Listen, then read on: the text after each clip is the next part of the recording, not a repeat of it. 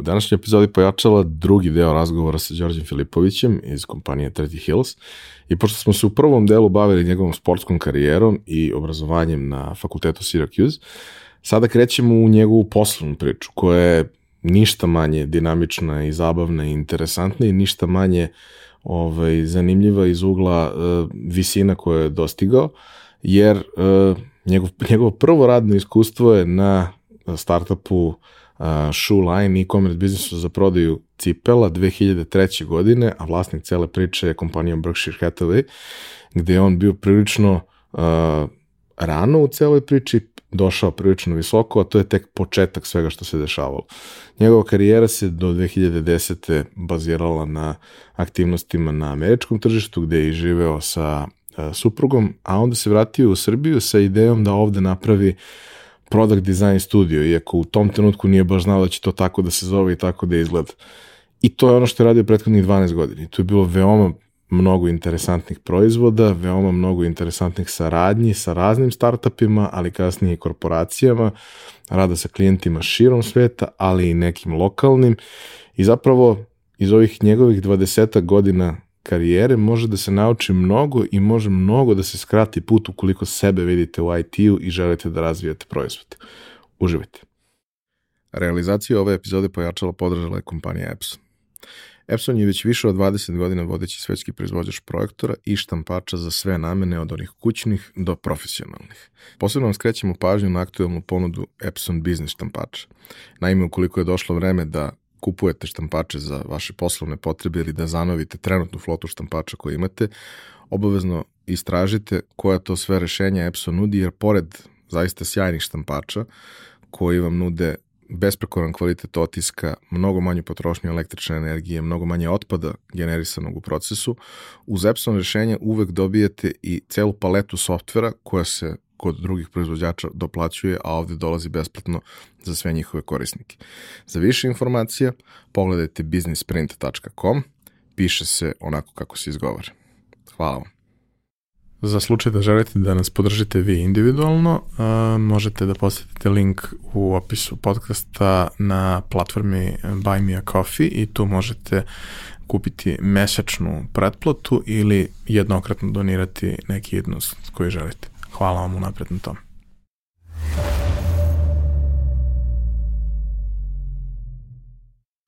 E pa dobro, završili smo lagano sa tvojom pričom ovaj, vezano za uh, akademska dostignuća i sportska dostignuća. Uh, u, u trenutku kada smo završili prvi podcast, ti si lagano postao sportski penzioner.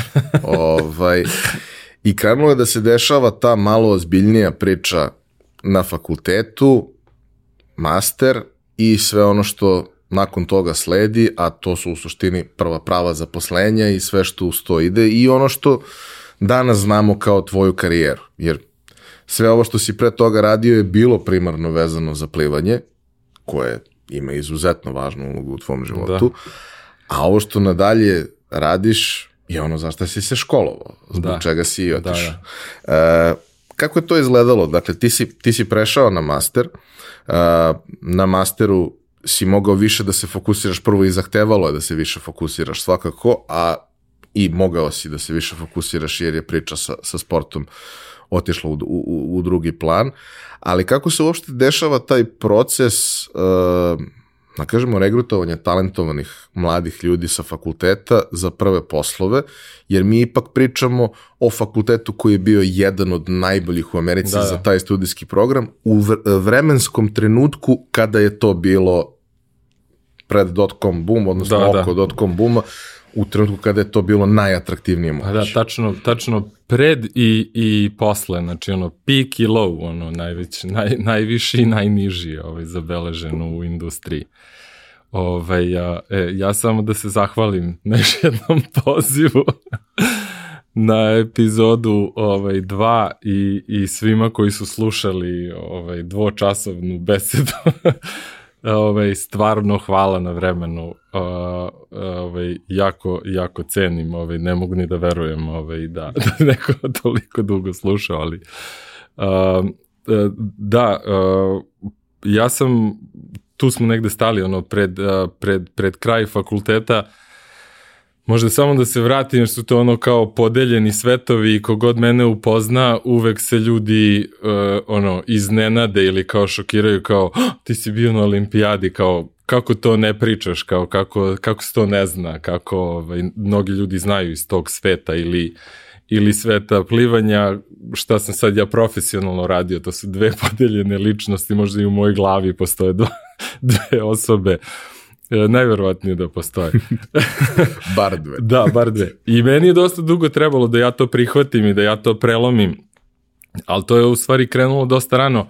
Još od osnovne škole ja se jesam kao predelio za plivanje i sebe ovaj, doživljavao kao plivača i živeo taj što se kaže ovaj, na srpskom lifestyle, uh, ali od, od, od osnovne škole je već krenulo to interesovanje za računare. Uh, i veoma karakteristično, ne znam da li smo to prošli put spomenuli, uh, nas su u, u nekom petom razredu izmešali sve razrede u školi, valjda tada je na trenutak prileva svih izbeglica ili kako već, morali su da naprave peto odeljenje i dali su nam ovaj, uh, priliku da uh, biramo s kim ćemo da budemo. Imaš pravo da izabereš drugara. Tako da su deca krenula da se povlače i nekako se kod nas u razredu dosta profilisa ono taj uh, štrebersko-kompjuterski opredeljeni profil ovaj, dečaka, primarno dečaka, tako da iz tog razreda, mislim, njih deset su programeri IT od osnovne škole. I ja sam ih naravno svo vreme pratio i družio se s njima, uh, Jedan od njih je bio ovaj, i, i Srki Mitrović, ovaj prvak Srbije u fizici i, i matematici, pa ono, on je prvi dobio kompjuter, pa od Čaleta dobio prvo one skripte, pa krenuo sve to da deli sa nama i mi smo onda ono, krenuli prvo od Amige, ovaj, ne, izvini, Atarija, Amigu sam preskočio, pa onda ovaj, s druge strane i, i moji roditelji su dosta bili mladi kada su mene dobili i, i Čale dosta forsirao, ono, bio je naložen na kompjutere, uh, bavio se ovaj, grafičkim dizajnom i to mu nešto bilo ovaj, radio i u Bigzu, dovlačio nam je ono milione nekih stripova i, i kompjuteri, ono, otprilike imali smo starijeg brata, ne, ne Čaleta, i on je isto to bio dosta ono prvo čega se odvajalo bilo je za kompjuter, pa ćemo onda sve ostalo. Kompjuter, muzika, pa ćemo jesti kasnije. 90. I, i, I onda se ja tu već onako kao, ok, to je meni okruženje, ja sebe nisam tako doživljavao jer sam ja morao sebi da objasnim zbog svog onog odricanja zašto je zašto sam ja sportista, a ne ono computer geek kao sa svima njima. Uh, To se nastavilo onda i u srednjoj školi, Uh, i ono, pričali smo i o BG Wireless ekipa, dosta mojih drugara, svi su bili na mrežama, uh, svi su sklapali kompjutere, svi su, ono, učili smo, ono, od, od, od nule ga podižeš, ono, do, do, ovaj, da nađeš ploču, da nađeš memoriju, da traduješ, da sklopiš, da, znaš, fascinacija u kompjutera krenula je iz hardverske perspektive, primarno, pa tek posle neka medija, pa uh, sve to se dalje razvilo, tako da je to meni uvek bilo prisutno u životu, ja samo to nisam prihvatao i nisam tome posvećivao puno pažnje. Jedna od mojih najvećih ono zezanja kao u životu kad me neko pozove i pita me kao šta radiš, a ja mu kao odgovorim, evo me nešto programiram. ovaj, a, a, I tako par sam imao nekih fora koje su se kompletno u životu posle ovaj, okrenule na opačke, ali to je bila kao moja velika fora kad me neko pozove na telefon, pita šta radi, ja kažem evo me programira. Kao misleći i to se nikad neće desiti. Ja ću uvek biti u, u sportu. I Uh, I onda tako i kroz srednju školu, uh, odlazak onda na studije, ja sam uh, upisao prvo, znači kada sam bio primljen na univerzitet, uh, nisu, ovaj, nisam odmah mogu da se upišem u taj information technology, taj major, ali sam, upisao sam se kao šta ću da studiram, meni je fascinacija opet bila kao ja ću da idem u Kaliforniju i da studiram kao ovaj, uh, ovaj, ono, da se bavim biologijom i okeanom i da ono, ceo život provedem u vodi, jer sam tad već i dosta i ronio i odlazio i, i bavio se ono raznim drugim aktivnostima. oko, oko vode. I, i, i, i sad ja upadam tu i, i probam, naravno cela ekipa, svi plivači su opet pola tima, svi su u IT-u, ja onako bojažljivo kao majde da, da probam da vidim, upisao sam primarno tada ovaj, prvo psihologiju a, i naravno meni se to od nas videlo i ja kad sam prvi put osetio trenutak da je meni uh, mozak kompletno okupiran 6 sati da se ja iz stolice nisam mrdno. Znači ja se u životu nisam sedeo miran u stolici. Sve stolice su polomljene po kući, ja ono non stop sam neko, ono, u nekom hiperaktivnom ono, modu. Prvi put kad je meni nešto toliko zaokupiralo, ja sam znao da je to to, ja sam se, ja sam se zaljubio i, i kao prelomio u sebi nešto kao da ja ipak neću ići karijerno putem sporta, nego ja ipak želim ovo da, da bude. I to je krenulo. I uh, ja sam se trudio, taj program je bio uh, dosta sličan možda fonu, kao što je sad fon kod nas, znači pokriva sve te aspekte uh, baze, mreže, programiranje, sisteme, management u IT, u project management, sve te stvari. I uh, završio sam znači, te osnovne studije i onda se desilo uh, taj dot-com bubble, kako su ga zvali, je puko, ali puko do te mere da sadašnje ovi naši IT-evci, cela zajednica, ono ne može da zamisli do koje mere to puca. I to kad krene da puca, to puca po svim šavovima, znači to puca sve strukture, niko tu više nije, nije bezbedan. Uh, nije bilo apsolutno nikog, nikakvog posla, ja sam se odmah onda opredelio da uh, Uh, jer da bi ostao u Americi morao sam da nađem posao u struci. Ja sam se opredelio da upišem magistarske studije i polagao sam ove sa te testove i imao sam priliku, ove, tako su se nekako i kockice namestile, da sam, da sam primljen na Syracuse na, isti, na istom fakultetu sam nastavio, što se u Americi obično ne preporučuju i oni forsiraju da ideš na neko drugo mesto zarad nekog drugog iskustva ali meni se ovde program jako svideo, mislim, bio jako dobro, najbolji ono program za, za, za to opredeljenje, jedan od najboljih, da ne preterujemo sad.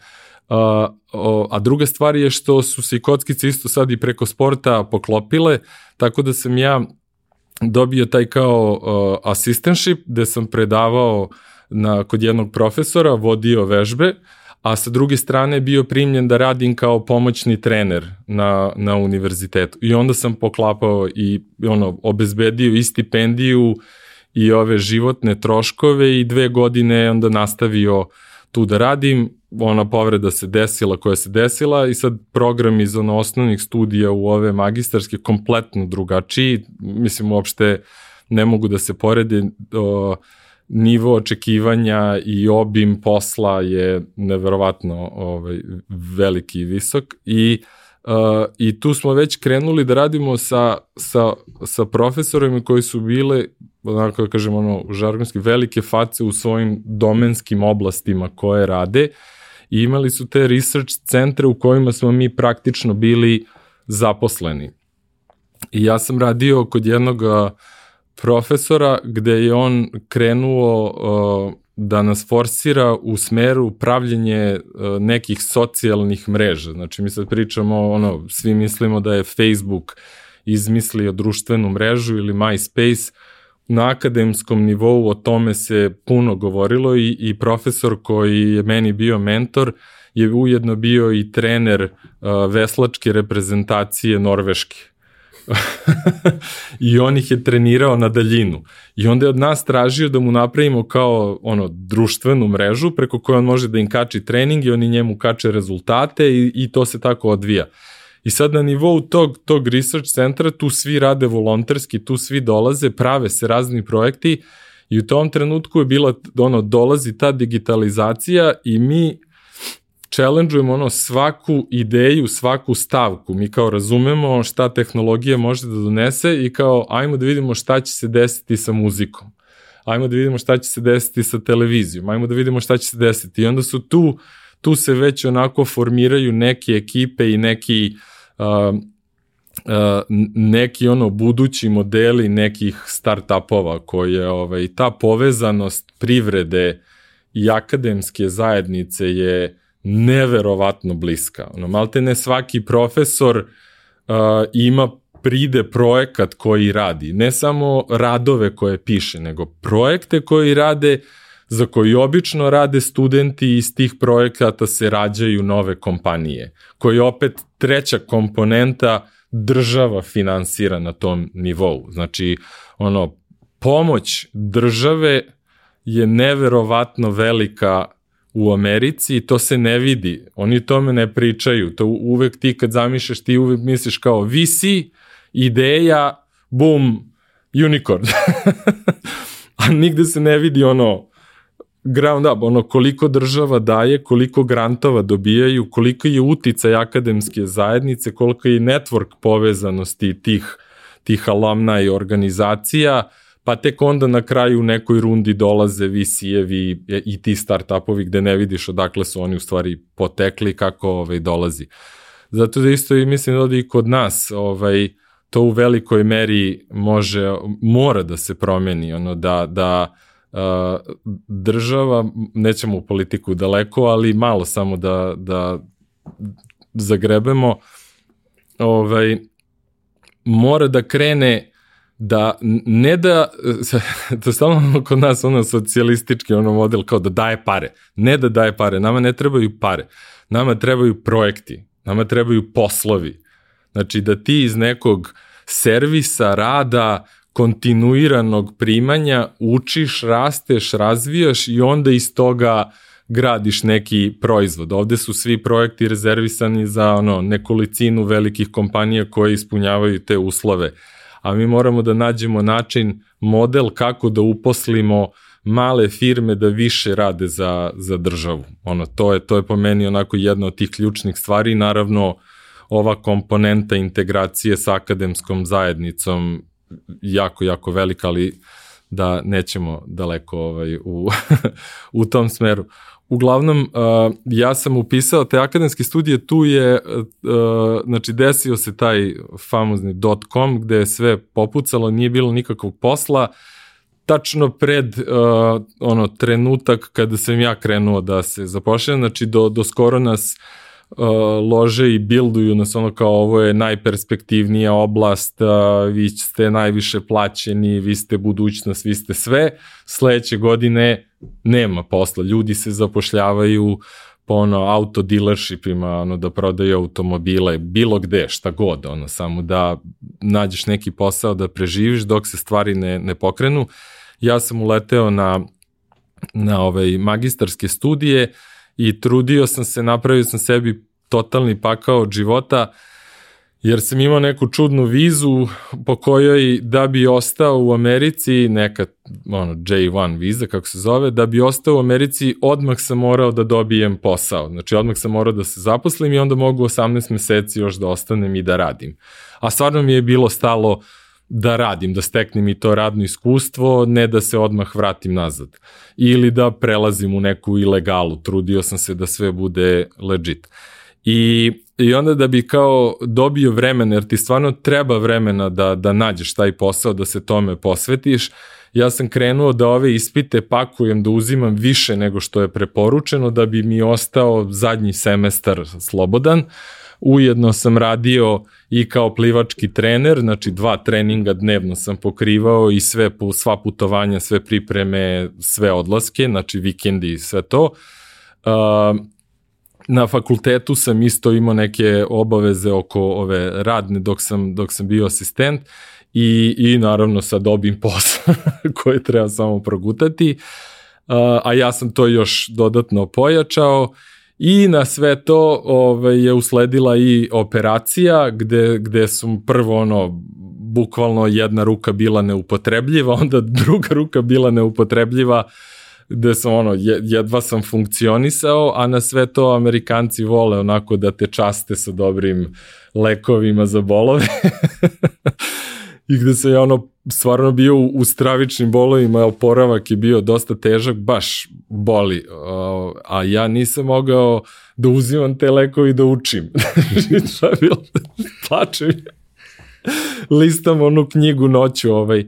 Tako da sam upao iz nekog ono perioda kao velike fizičke aktivnosti, ne znam, ja smo i učili smo, radili smo sve to, u totalno neki ono drugi mod radni, uh, ovaj, puno učenja, čitanja, pisanja tih radova, svega toga, totalno se distancirao ovaj, i kao trener nisam smeo da, da, da ne da komunicam, nisam smeo da se družim sa sportistima, jer obično je to druženje uz neki alkohol, to je tamo striktno zabranjeno i piše u ugovoru ne, ono, nikako, no, no. Ovaj, o, tako da sam se ja ono distancirao od svega i dosta upao u neki ono vakum uh, ovaj, radnog tog moda od jutra do dana uh, bukvalno sam spavao po 4 sata dnevno i sećam se ono Zorana Đinđića i ceta, tada se sve to dešavalo, ja kao čitam tamo ovaj, 2000 te počinju ovaj, uh, i kao ma 4 sata je dovoljno, šta sad? Jer dok ja ustanem ono u 6, pa odem odradim trening, pa odem na ispite, pa onda na fakultet, pa moji ispiti, pa drugi trening, ja tek uveče dođem kući i tek ono oko 8-9 mogu da počnem da sednem, da pišem i da radim i da mogu da završim pre dva. Ovaj, i, i, I kao mogu, mogu. I tako je, ovaj, žestoko sam gurao godinu i po dve dana i međutim, šta je bilo interesantno, ja sam posle ekonomija krenula da se, da se oporavlja i ja sam odmah 2003. dobio posao za Brookshire Hathaway Shoe Company, tada se zvala, ovaj, Warren Buffett je kupio gomilu tih fabrika za proizvodnju cipela, konsolidovao ih u jednu veliku uh, firmu i, i ta firma je htela da uh, shvatili su u tom trenutku da je e-commerce njihov budući najveći klijent, e-commerce je tek bio u nekoj ranoj fazi, tek, tek, tek su stvari i tada, znači 2003. godine krenule da se dešavaju u Americi i, i oni su hteli da uče o, o e-commerce i kao kako ćemo to da naučimo, kao ajmo na Syracuse da pokupimo dva ovaj, grad studenta sa, koji su završili ovu magistraturu i da im damo da to rade. Znači da ih kao postavimo, tada se to zvalo ono .com biznis i kao vi ste, vi ste startup. I ja sam se tu sa njima večito borio, smo mi startup ili smo u firmi, jer smo ovo, jer smo ono i trebalo mi je mnogo godina da kasnim ili, ili da, da, da ova industrija sazre, da dođemo do toga što ovo sad zovemo kao corporate innovation. Znači ta saradnja kako korporacija inovira, kako se korporacija razvija, kako se digitalizuje. Ovo je u stvari bio klasičan primer tih prvih koraka korporativne inova, ono, inovacije i genijalnost tih tipova za koje sam ja tada smatrao da su ono ludaci, da ništa ne znaju, ali sad shvatam koliko su u stvari bili genijalni. Nas dvojicu su uhvatili i da pokrenemo taj e-commerce website i naravno tada je bilo kao ono cipele se nikada neće prodavati na internetu, kao to je nemoguće prodati, pogotovo nemoguće prodati kao ženama cipele na internetu. Međutim, ovaj, dokazali smo da je to moguće. Mi smo krenuli, pokupili su mene i još jednog kineza, moj brat Zida Wu, uh, kinez koji ima 195, ovaj, uh, ja se stalno zezam, ovaj, to ponavljam, čuveno srpsko-kinesko bratstvo i prijateljstvo, neraskidivo, tako smo se i ja i Zi našli u Americi. I on je isto studirao na osnovnim studijama i upisao magistraturu i ja sam i tu nekako, ne znam kako smo se ono sprijateljili, uglavnom sve ispite smo uzimali zajedno, uvek smo se pomagali I, i sad to je to je ono baš karakteristično za, za te američke univerzitete na tom onom MBA nivou. Konkurencija je jeziva.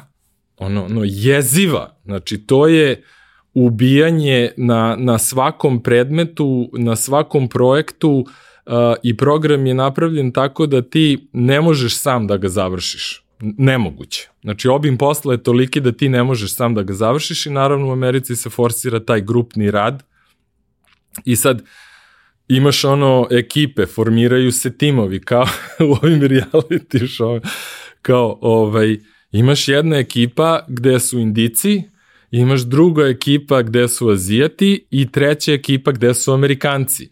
I sad, gde pripada Đorđe Filipović?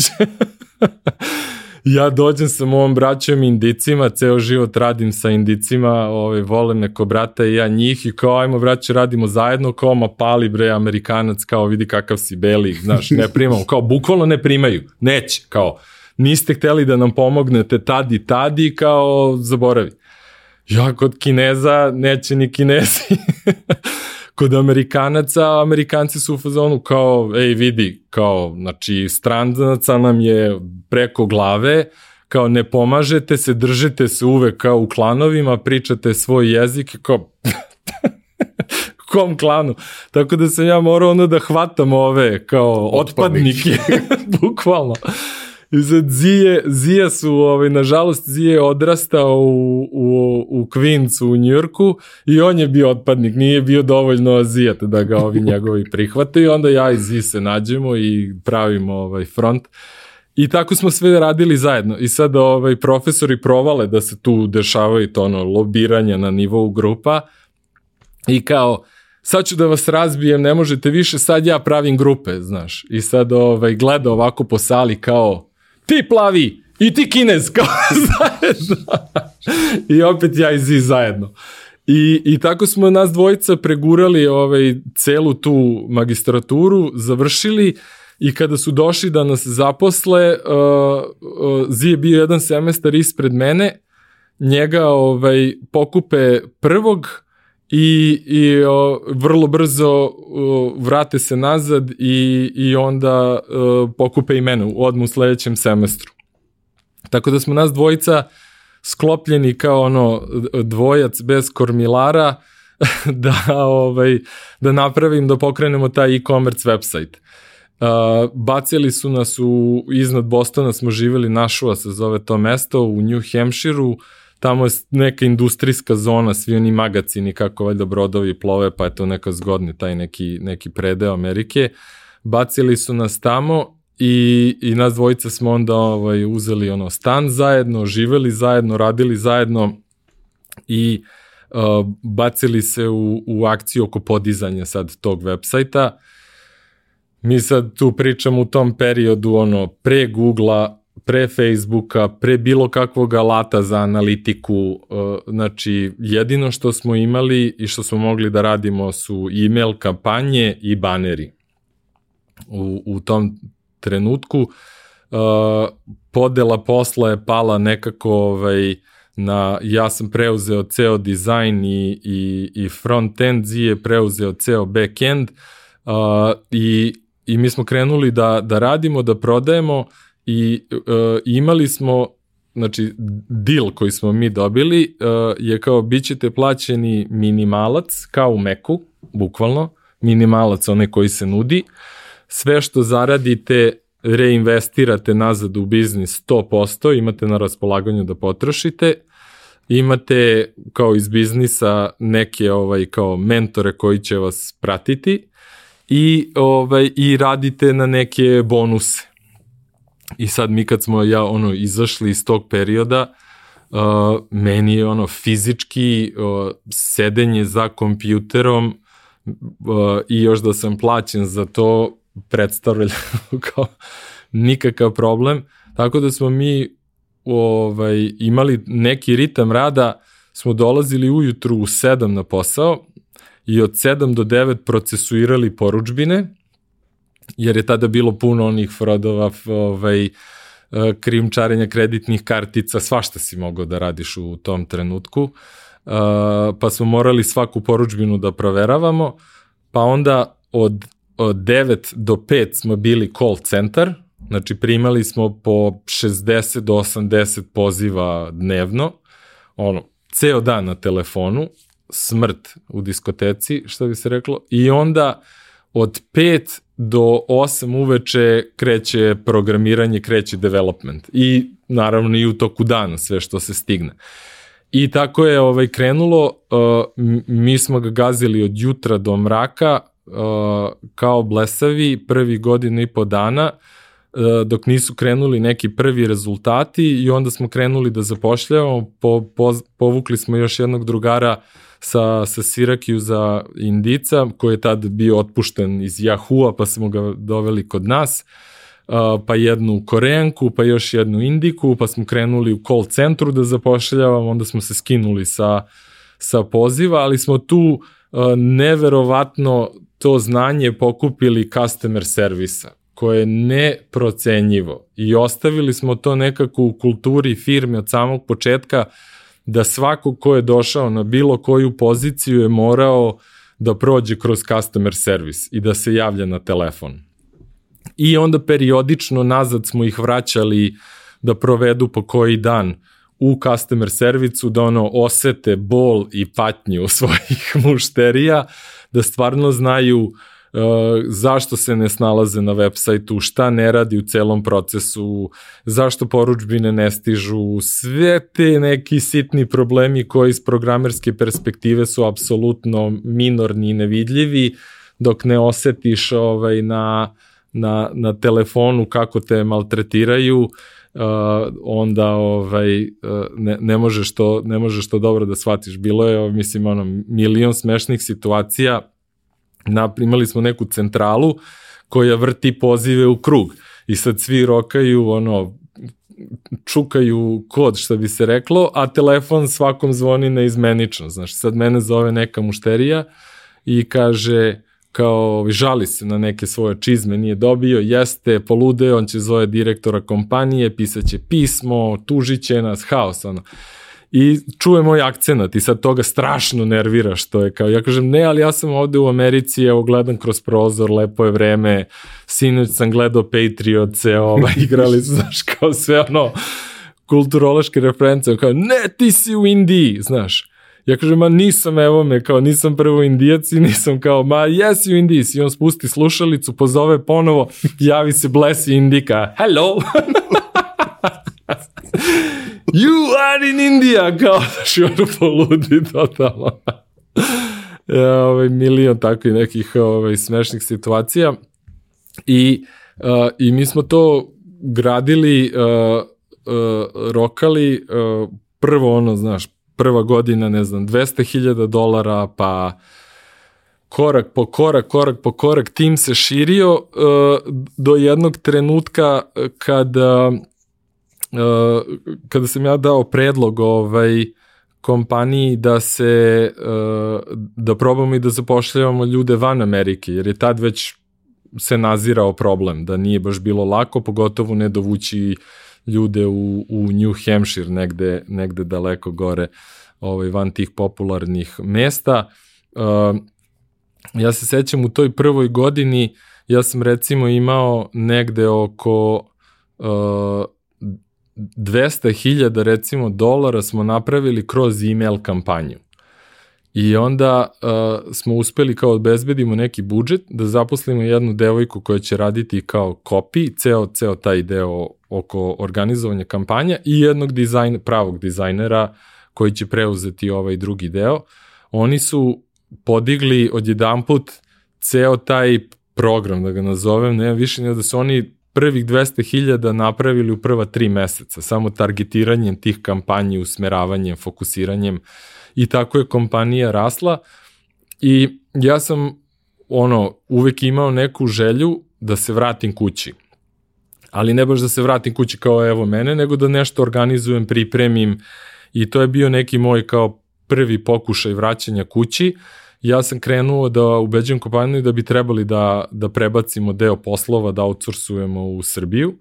Uh, I za Amerikance u tom trenutku Srbija je bila u nekom ono istočnom bloku pod okriljem ruske mafije. Ovaj, I to je bila borba moja ono politička na svim nivoima da, da ih ubedim, da ih dovedem, da me puste uopšte da, da krenem tu da zapošljavam. Uh, Uh, I sećam se ovaj, prvi put kada smo došli, uh, ovaj, taj jedan uh, šef koji je došao sa mnom, ono, odlepio na Beograd automatski. Ono, Normal. od, da, ono, ovaj, ma od klope, ono, provoda, grada, svega, on kao, ovaj, sećam se kao, kaže, ja uvek negde putujem, ja se sećam jedne lepe žene koje sam video u tom gradu, kao, znaš, sećam se kao muzeja gde sam bio, sećam se grad, ali uvek upamtim tu jednu kao lepu ženu, kao, ja odu u Beogradu, ja ne znam da je da gledam više, kao, koja sam odlepio. Rekao, eto, tako, lepi smo. Uh, I, i ove, ja sam naravno odmah ono povukao ovaj drugare, zaposlili smo uh, nekoliko programera ovde i krenuli smo da, da radimo sa njima. Uh, i, I odmah zatim smo rekli kao ajde da probamo da outsourcujemo deo i u Indiju. I onda je ovaj Indijac, uh, druga Rankid, koji je sad postao CTO te kompanije, uh, otišao i, i ovaj, u Indiji smo setapovali jedan tim i probali smo čak ovaj, u Kini, da outsourcujemo u Kinu i ovaj, izezali smo se, pravili smo te ono neke socijalne eksperimente, da li možemo da napravimo uh, ovaj 24 časovno programiranje u krug, da mašina nikad nestaje, ovaj nije moguće. a, ovaj, Kinu nikada nismo mogli da, da, da pokrenemo uopšte. Kulturološka razlika je bila neverovatno velika, komunikacija jednostavno nismo uspeli. Uh, Indija je živela i radila par godina, ono možda godinu i po dana, ne znam koliko dugo, ali mi nismo imali dovoljno ono veliki brand name. Ti u Indiji, ovaj, koji ima jako dobre resurse, uh, on, ono je malo drugačija sredina, njima kulturološki, znači na nivou ono prepoznatljivosti u zajednici, u porodici da bi se oženio, moraš da radiš za neku dobru firmu. I onda smo i mi bili kao neki ono stepenica za, za dalje. I bila je velika fluktuacija, ljudi, ne, naš, non stop si u treningu nekih ljudi, ne možeš da, da ustališ nekako ekipu, a Srbija je ostala, ovaj, Srbi su bili u fazonu boli me uvo za ono IT brand names, ono kao hoću, imam neke uslove, znam šta hoću. I jednostavno uh, pristup tim malim firmama im je bio mnogo nekako prijemčivi I, I što je interesantno, neki od tih ljudi dan danas rade za taj e-commerce website.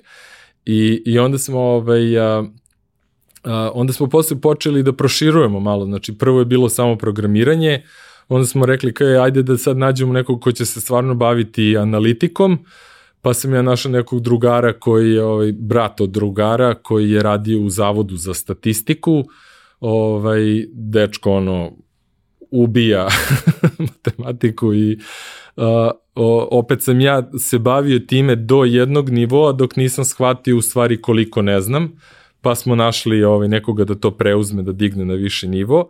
Uh, i, I onda su mi rekli kao, ok, kao, sve možeš da outsourcuješ, sve, ali kao, jednu stvar ne možeš da outsourcuješ, a to je copywriting. I ja kažem, ok, jel tako? Kao, dobro, ja telefon, bukvalno na sred sastanak, ja telefon, tu, tu, tu, tu, tu, pozove Manu, Ana je studirala na Sirakiuzu sa mnom, uh, ja mislim da je doktorirala, ja mislim da je doktorirala ili magistrirala, nisam mogu, ne mogu da se setim, uglavnom ove englesku književnost. ja kažem, Anči, desi, kaže, evo me ovaj, u Beogradu pišem za ekonomista, ovaj, hoćeš posao? Hoću. Pa mi copywriting. Rekao, sad ćete da vidite kako Srbi lepše i bolje pišu nego vi ovde.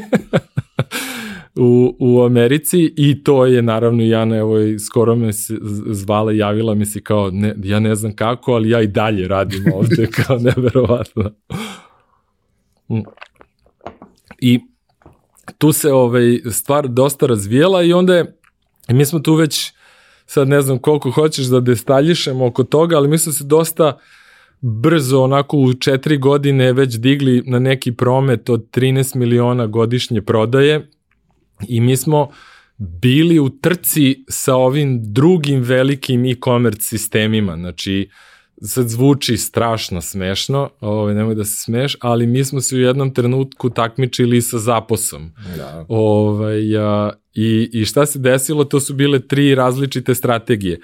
Tony Shea koji je ovaj, vodio zapos, a, je konstantno fundraizovao i pravi infrastrukturu da drži cipele kod sebe, da radi distribuciju, znači end-to-end je radio, Uh, mi smo bili biznis koji imao svoju robu, znači nismo kupovali robu, nego prodavali smo samo svoju robu i imao si treću grupu koji su bili affiliate, to jest ne affiliate, izvinjam se, dropship. I bilo je nekoliko tih koji nisu mogli, jer onda je ovaj, dropship nema kontrolu kvaliteta isporuke do kraja, oni su polako počeli da, mi smo, mi smo se, ono, iz godine u godinu stvarno rasli, e onda smo mi udarili u zid u trenutku kada e, nismo mogli, imali više taj brand asortiman, morali smo da proširujemo brand asortiman, a, a matična kompanija nam nije dozvoljavala, su oni i dalje bili u nekom modu preispitivanja kako će tradicionalni retaileri reagovati na to. Da li oni njima otimaju deo posla, sada kao distributer ulaze i u taj njihov deo posla i nisu nam dozvoljavali da širimo kompaniju u tom smeru. Ja sam se strašno borio no, za, da, da, da to promenim, ti neki modeli da se, da se uvedu, znači ono, ja sam, mislim, dva puta bio otpušten pa vraćen sa, sa posla, prvi put kad sam ovaj, CEO kompanije koji raportira direktno Warrenu Buffettu, direktno, znači, taj nivo, ono, mega faca u industriji, pokušavao da mu objasnim kao lifetime, kao customer value ili kao re repeat customera, kao, znaš. I kao, to je nov pojam, kao ja sad imam njegovu email adresu, znači ja ću da potrošim 40 dolara, znači ja ću prvu celu maržu da potrošim da te dobijem, ali ću drugi, treći put da te, da te kupim. I on sad gleda samo koliko ja trošim i koliko zarađujem i vidi rupu, da, da sam ja non stop na nuli. A ne vidi ove druge metrike koje smo onda krasnije krenuli da primenjujemo, a to je taj uh, model ono kao ovaj marketinški digitalnih kampanja da ih vraćamo, da razvijamo odnos sa tim klijentima, da, da pravimo druge modele i tako pa, par puta ja se pravim pametan, oni kao aj zdravo, pa kao vrati se nas sutradan. Uh, i, i, i, I mi smo ovaj, udarili tu negde u zid, Zija su u posle, ja mislim, jedno godini i po dve dana prebacili CEO matične kompanije ga je povukao da bude njegov asistent, to je bio kao neki CEO training program i onda su ga odmah prebacili da nadgleda sve fabrike u Kini a ja sam se grčevito borio da ostanem tu gde jesam, da me ne uvuku u taj biznis, jer mene e, biznis proizvodnje cipela, taj tradicionalni neki biznis apsolutno nije interesavo. Iako je karijera bila dosta onako lepa i i, i zanimljiva. Ja sam se grčevito borio. Prvo sam se borio grčevito da ostanem u programiranju, ali već u tom trenutku ja sam vodio tim od 30 i nešto ljudi, u tri zemlje i ceo moj posao se braci, bacio na project management. Ja sam u stvari ovaj, o, ova sportska strana leadershipa i komunikacije sa ljudima i rad sa ljudima je nekako se pokazala mnogo bitnija nego moje ono tehničke veštine, a ja sam se non stop vraćao na ovo što čime želim da se bavim, a život je nekako gura u, u, u, u drugom smeru. I ovaj, u tom u tom trenutku, uh, znači ja sam završio fakultet, magistrirao na temu uh, project managementa u IT-u. Mi smo i osnovne i magistarske studije radili po PMI knjizi ovaj, Project Management Institute, ovaj, standardima i, uh, i ja svo vreme sad mislim da znam da sam kao tu neku oblast savladao i sad iz te teorije pokušavam da je primenim u praksu i nikako ne uspevam. Ne ide, ono, ne pije vodu taj model, ono, waterfall project management jednostavno ne radi posao. Zove me klijent, postavi novu robu, skini robu, promeni cenu, vrati cenu, pusti kampanju, nisi se usaglasio sa brendom i njihovom kampanjom. Uh, ono, večita ludnica u e-komercu koji je živ biznis, radi i kao televizija, ono, kao živi program, ide, samo ide, nema tu kad sam stao, počeo, ovo, ono. I ja sam onda tu krenuo da kopam i da tražim, jer sam stvarno bio u ozbiljnoj depresiji da ja ništa nisam naučio u toj školi. Možda sad shvatam u radu sa svim mojim studentima, dakle se svi studenti osjećaju. Kao, ali ja stvarno kao kako je moguće da ja ništa, ono, bukvalno sedim knjigu, gledam, otvorim Microsoft, ono, project management, kao pokušavam da napravim neke dependencije, razlačim, ma nema šanse. Svaki dan sve se pokrši, ajde iz početka. Čitaj, kopaj, čitaj, kopaj i nađem na nešto ovaj, totalno uh, bezobrazno, noti, što bi se reklo na engleskom, ovaj, kao agilne metodologije, kao pa šta je sad ovo, krenem da čitam i, i, i nekako odjedan put ono, ljubav na prvi pogled, ja skapiram to je to, to je ono što meni treba i krećem celu firmu da transformišem u, u, u, u tom smeru da organizujem neke ovaj sprintove, planove, da budem agilan, da mogu da budem promenljiv, da se prilagođavam brzo, da pratim biznis, da pratim marketing, jer tad marketing ima jako puno aktivnosti i trebalo je njih ispratiti na, na, na webu. Uh, i, i, I krećem da primenjujem, ali u tom trenutku ja još uvek nisam kapirao uh, transformacija tima koja mora da se desi i kulturološka transformacija tima koja mora da se desi, a u krajnjem slučaju i, i, i, i, i tehnologija. Znači jednostavno ono, mi smo tad uh, ono, tek prešli na .NET i ti sad kao licence neke ono, tri nivoa, tri kursa možeš da završiš da bi shvatio kako funkcioniše ono Microsoft licencna šema. Ovaj, i stvarno mi je, a korporacije su uvek ono vukle na tu stranu, u tom trenutku kreće cela open source zajednica da raste, da se razvija, prelepi alati, sve besplatno, brzo, ovaj, i ja sam ono veliku želju imao da, da krenem, da pređem na, na, drugu stranu, uh, da se izvučem iz ovog nekih ovih korporativnih alata, mislim zovem ih korporativnih alati zato što uh, korporacije se predeljuju njih iz bezbednostnih razloga, sigurnosnih. Generalno, ceo taj enterprise da. software je u principu takav. Nije baš lako ući u tako nešto. I da. dan danas Jasne, ne možeš da. da skapiraš kako funkcionišu pa, licence da, da, i šta su se, limiti za šta. Da, sad se vratio nekako ceo taj ciklus, ovaj, negde smo se sad tu pronašli. Ajde, stićemo posle do toga. U, uglavnom to su bila dva podeljena sveta kompletno u tom trenutku i uh, meni se dešava, znači, o, ovo paralelno sve što je, uh, sve te stvari koje su mi se dešavale u životu da me dovedu do ovoga ono trenutka kada sam pokrenuo Trti Hills, a to je ta startup ovaj, E, kultura i taj način razvoja biznisa odmah i, i agilne metodol, metodologije. To su dve stvari za koje sam se ja zakačio i rad sa tim i organizacija tih remote timova. Uh, I kompanije, naravno, ono došao neki trenutak, ja sam silno gurao i, i ovaj, radio na tome da se skinem sa mesta kao GM-a i da pređem da vodim samo tim u Srbiji To je bila moja zamisao. A sad ono, prokledstvo o, kapitalizma ne dozvoljava da se demotuješ, nego moraš da ideš samo na gore. Znači, ako kreneš na dole, off you go kroz vrata. Ovaj, da sad se setio mog ovaj, indica, uh, ja sam dobio nagradu, bio u kompaniji kao Unsung Hero Award, kao, znaš, za ovaj, neka vrsta kao najboljeg zaposlenog uh, uh, u kompaniji i prilazi mi ovaj indijet, Mr. DJ. o, o. Did you know? Whoever gets this award, sled, kao kogod dobije ovu nagradu sledeće godine je otpušten. Ko je jedan radio statistiku i ovaj, molio Boga samo da ovaj, da, da ne bude da ne bude otpušten.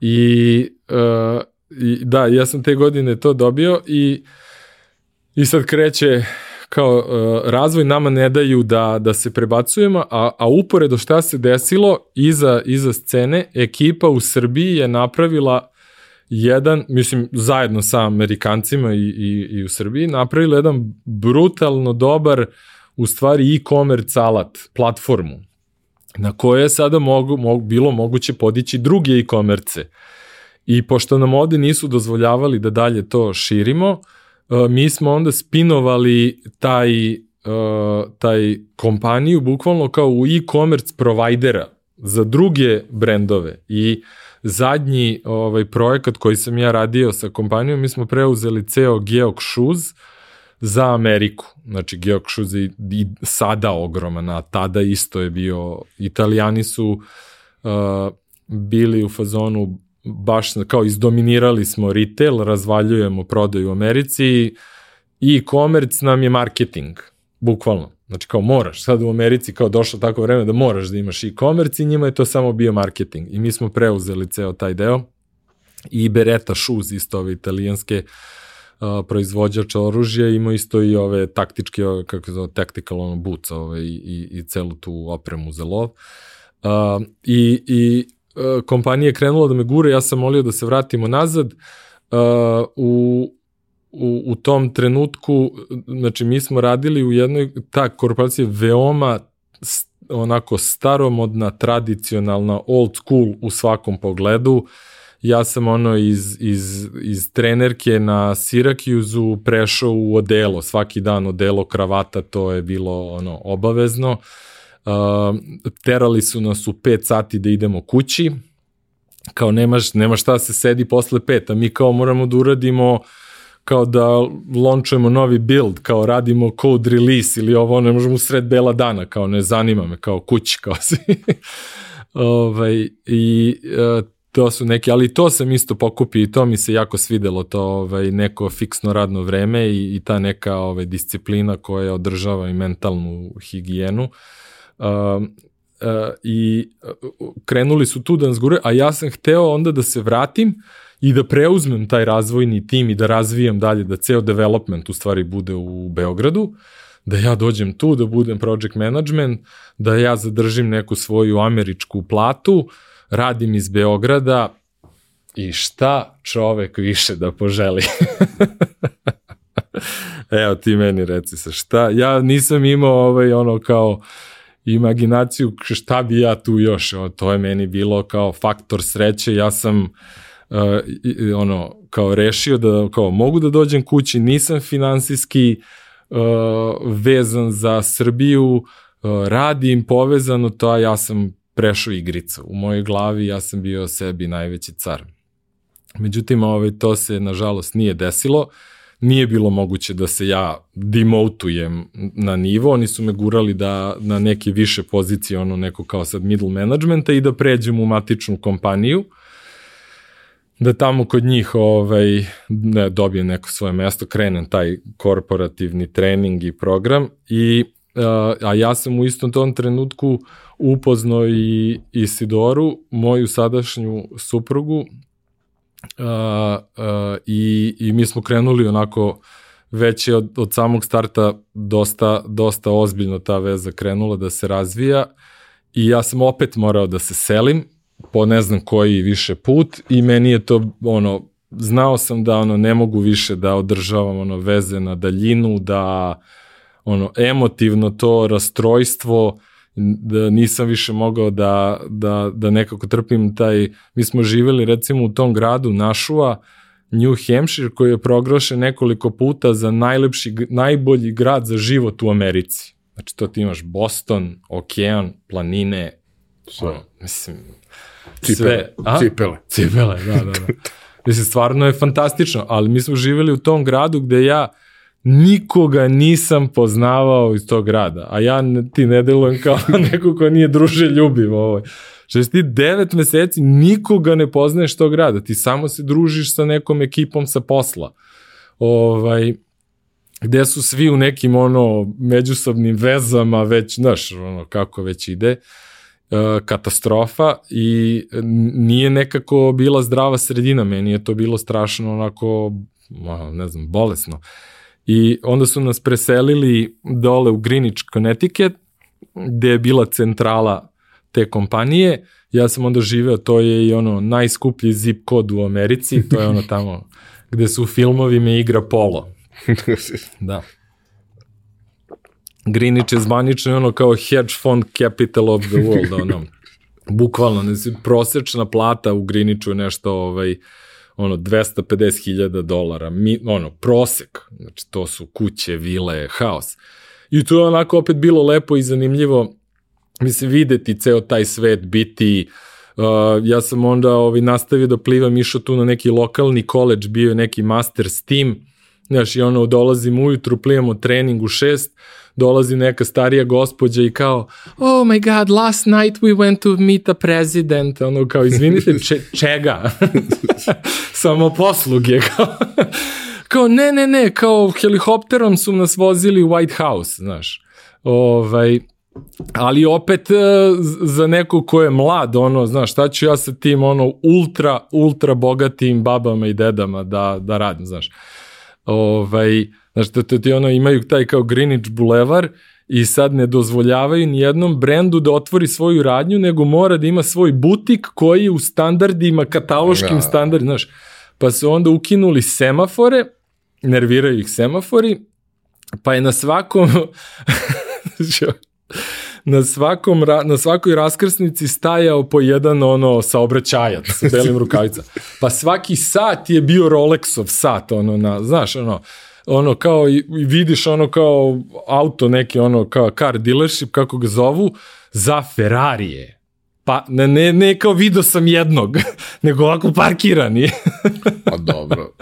Jahte, ti, ti konjički klubovi, polo klubovi, ma mislim ono ludnica totalna. Uh, I, i, I mi smo bili godinu i pa dana, meni je bilo ovaj, strašno ono, dosadno tu sad već više i onda sam ja prešao da živ, prešao u Njujork, Greenwich je 45 minuta vozom od Njujorka i onda kao to vrst komutovao, kao išao unazad, ovaj, iz grada, obično svi ono žive u tim sabrobima, pa idu u York i vraćaju se, ja sam kontra, u kontra smeru išao, samo da bi ono žive u gradu, da se povežem sa nekim ljudima, jer ovo ovamo katastrofa. Ovaj, što kaže jedan moj kolega, kaže ovako mi idemo sad niz tu Greenwich Avenue, ispuštamo se na dole i kaže kako, kako, kako si se vidio, kaže kako su sva deca ovde lepa, kao ovako ide, kao ja ne znam šta je ovo, kao nikad nisam vidio kao ono malo kao ružnjikavo dete, kao znaš, sva deca su lepa, znaš, mi idemo, gledamo nešto, razmišljamo, kaže stvarno kao, rekao, smije se vidio mame, kao. ja, ono, kad zamišljam, kad pričaš tako nešto, da. ja zamišljam ono, uh, Indian Wells, uh, Nantucket da. i sva takva mesta da, da, koja su da, ti da. otprilike to, kao, ne, mislim, da, da. lepo je da odeš da vidiš, ali da. u svakom trenutku, na svakom koraku imaš da, osjećaj da. da ne pripadaš. da, da, tako je, tako je. Ovaj, pa ne, ima, ne znam, ovaj, moja omiljena priča je, Uh, direktor upravnog odbora je bio gospodin Run, mislim samo da se dobije kontekst kao gde, na kom nivou se sve to dešava.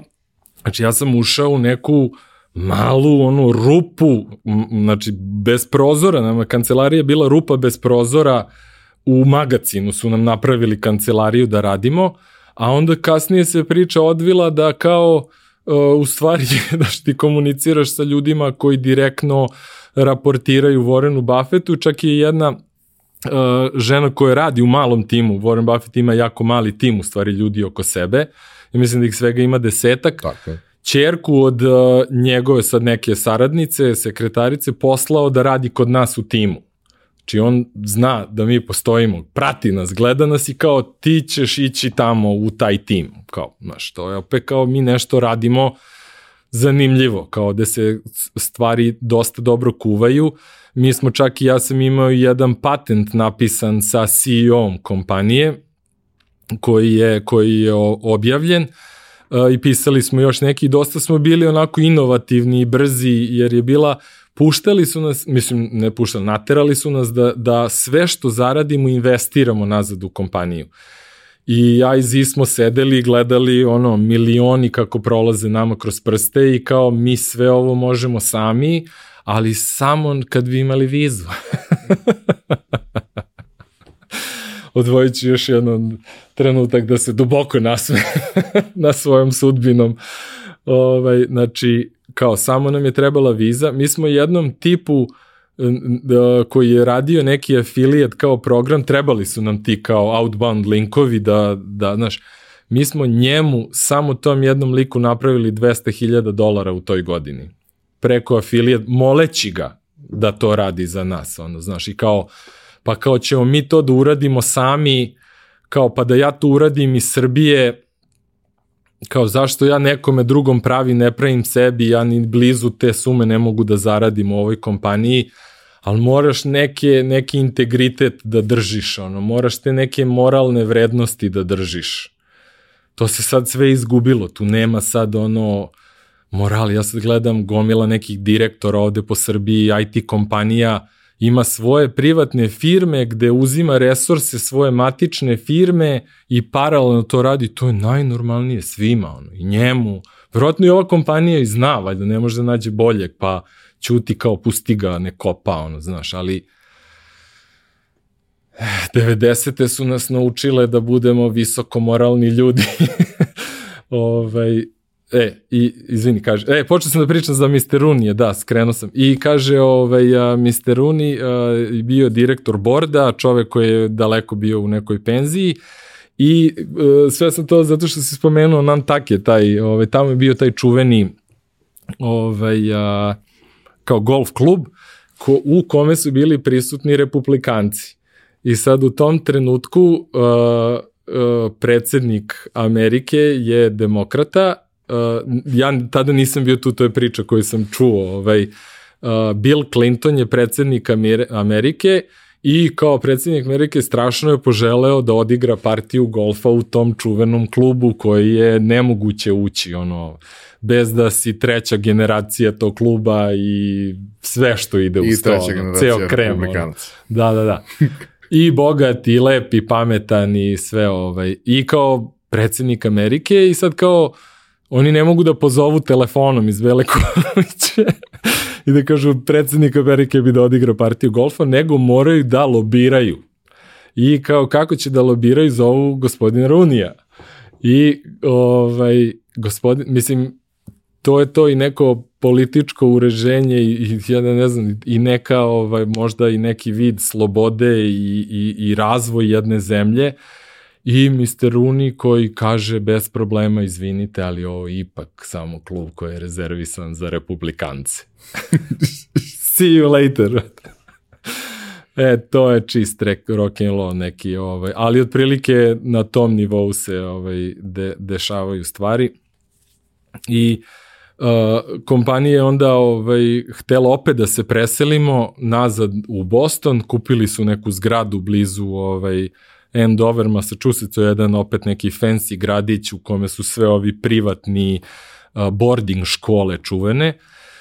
Uh, i, I ja nisam hteo da se, niti da prelazim u kompaniju, niti da se selim, upoznao sam Isidoru, uh, ono, krenuli smo neki živo da planiramo zajedno i ja sam jednostavno samo ono preseko. Ono, ne može karijera uh, da bude veća od nekog privatnog života, uh, iako je to u Americi onako nezamislivo, ali jednostavno ovaj, uh, sam ono, ipak uh, rešio da, da ono, u tom trenutku gledam neke ovaj, svoje lične interese i uh, prešao sam da iz nekog tog kao uh, ovog startup haosa sada sam gledao kao šta ću sad, koja će biti sledeća stvar koju ću raditi, uh, pojavila se opet, a, a, i moja želja naravno kao da, da se vratim nazad, pojavila se prilika, pozvao se opet neki e-commerce team uh,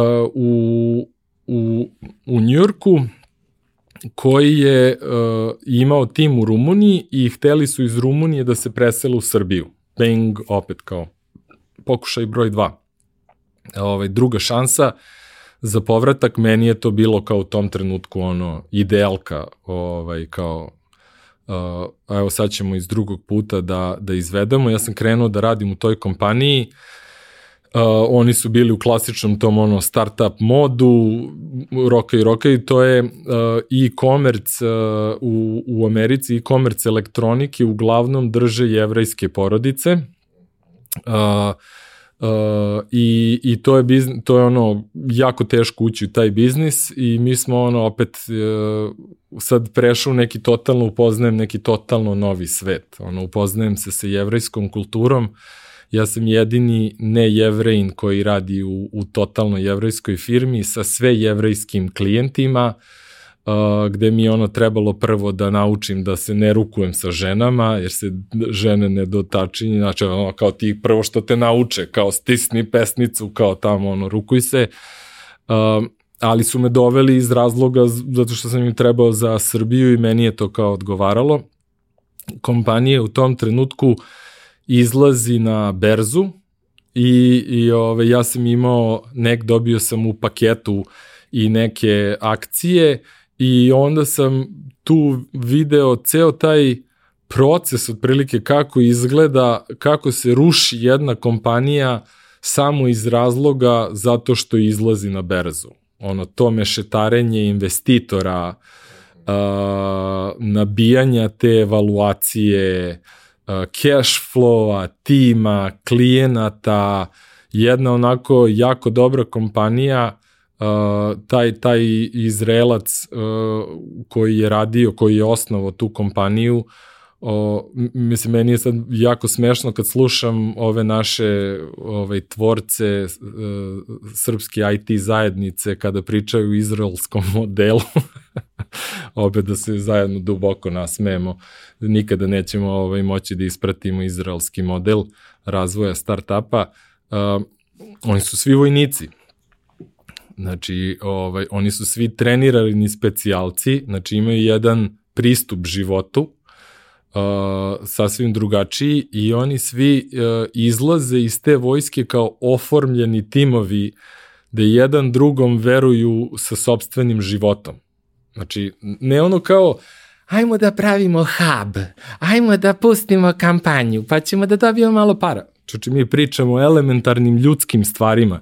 Ja i ti radimo zajedno, ja tebi verujem sa svojim životom, ja moje dete dam tebi u ruke. Na tom nivou se grade timovi.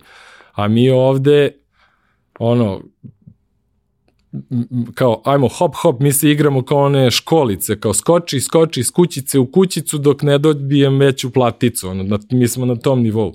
A Izraelci imaju to u korenju, oni imaju ono misiju, oni imaju ono, ovaj, a, ovaj, svoj kod, ono, znaš, uh, cela nacija živi taj, oni imaju povezanost uh, Amerike i, i Izrela. Njima, njima svaki programer u Izraelu ima rođaka koji je već napravio startup u Americi. Ovaj, I ekipu i, i, i ja sam sve to učio, gledao, upijao i sećam se ono, gledam tog tipa i kao javlja mi se ta ono kao želja, kao je vidi, kao ja u nekoj sledećoj varijanti ulećem u neki startup, hoću nešto da pokrenem taj čovek sedi ovako bledo, ovako gleda i kaže, ja nisam vidio svoju decu tri godine. On je spavao u kancelariji. Spavao, svaku drugu, treću noć je spavao u kancelariji i mi ujutru dođemo i on kao, evo napisao sam ovaj modul. pa onda se bavi finansijskim stvarima, pa znaš i ti sad probaj takvog čoveka da ne pratiš u korak, ono, znaš, oni svi idu i ginu za njega, on je bog u toj kancelariji, znaš, ja sad stojim onako, gledam sa strane, ima jedan, još jedan plav, ja kao njemu namigujem, kao, ej, Igore, odakle si?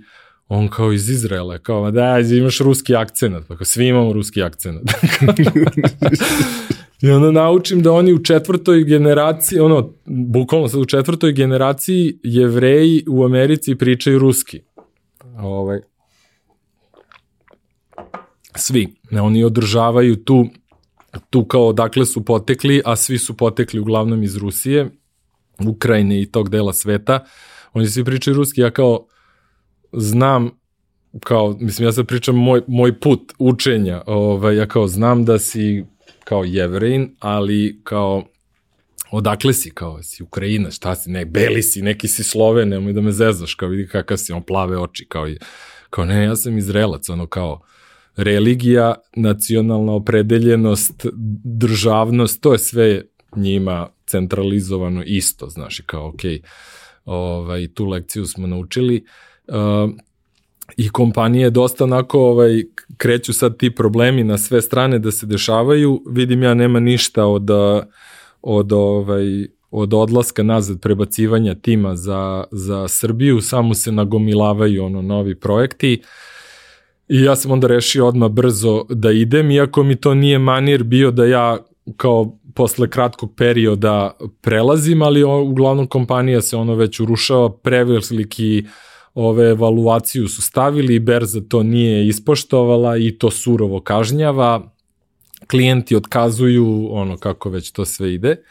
I, i ja sam ovaj, Isidore htela da ostane još uvek u, u Americi, ona je radila, ona je završila Bucknell univerzitet na, u, u Pensilvaniji, mi smo se upoznali u Njujorku, uh, uhvatila me na blokovsku foru, rekla je da su svi za buljaka ovaj, zonska liga frajera, da bi posle saznao da je ona iz 19. bloka. ovaj, večito to ima to prepucavanje ovaj, šta je iza buvljaka, šta je iza buvljaka.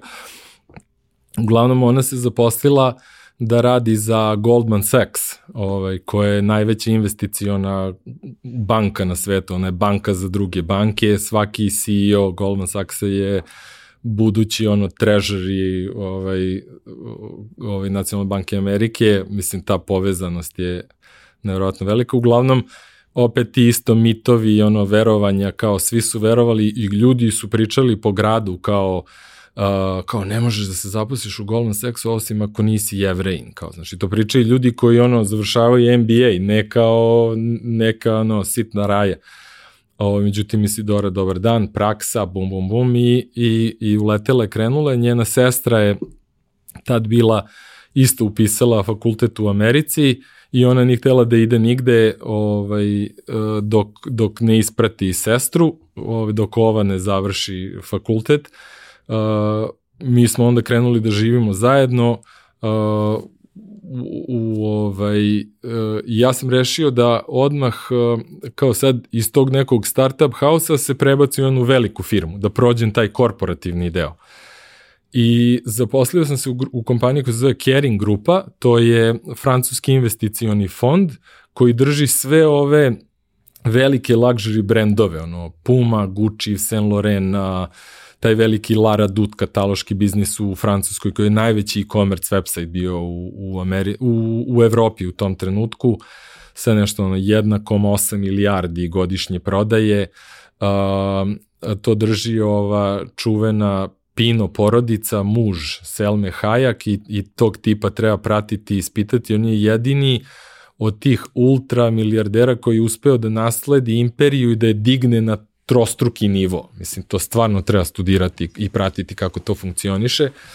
Uh, I ja sam radio, znači to je jedna klasična onako velika organizacija, mi smo uh, imali IT, sve su kao bile grupacije kao kompanije, bilo 150 otprilike programera u Americi, uh, i mi smo obsluživali sve e-commerce web sajtove. Znači Amazon je u tom trenutku rastao kao unificirana platforma, marketplace, a ovi su širili mrežu kroz jedinstveni e-commerce i, i mi smo bili uh, je ono top 10 e-commerce platformi u svetu, ono po tom obimu i konstantno su kupovali druge te kataloške biznise i onboardovali ih, a naš zadatak je bio, ja sam vodio taj Transversal Initiative team koji je pravio core na koji su se onda ubacivali ti sajtovi i svaka zemlja je imala svoj front-end, a mi smo razvijali taj core. Jedan od tih mojih projekata je bio i razvoj tog content management sistema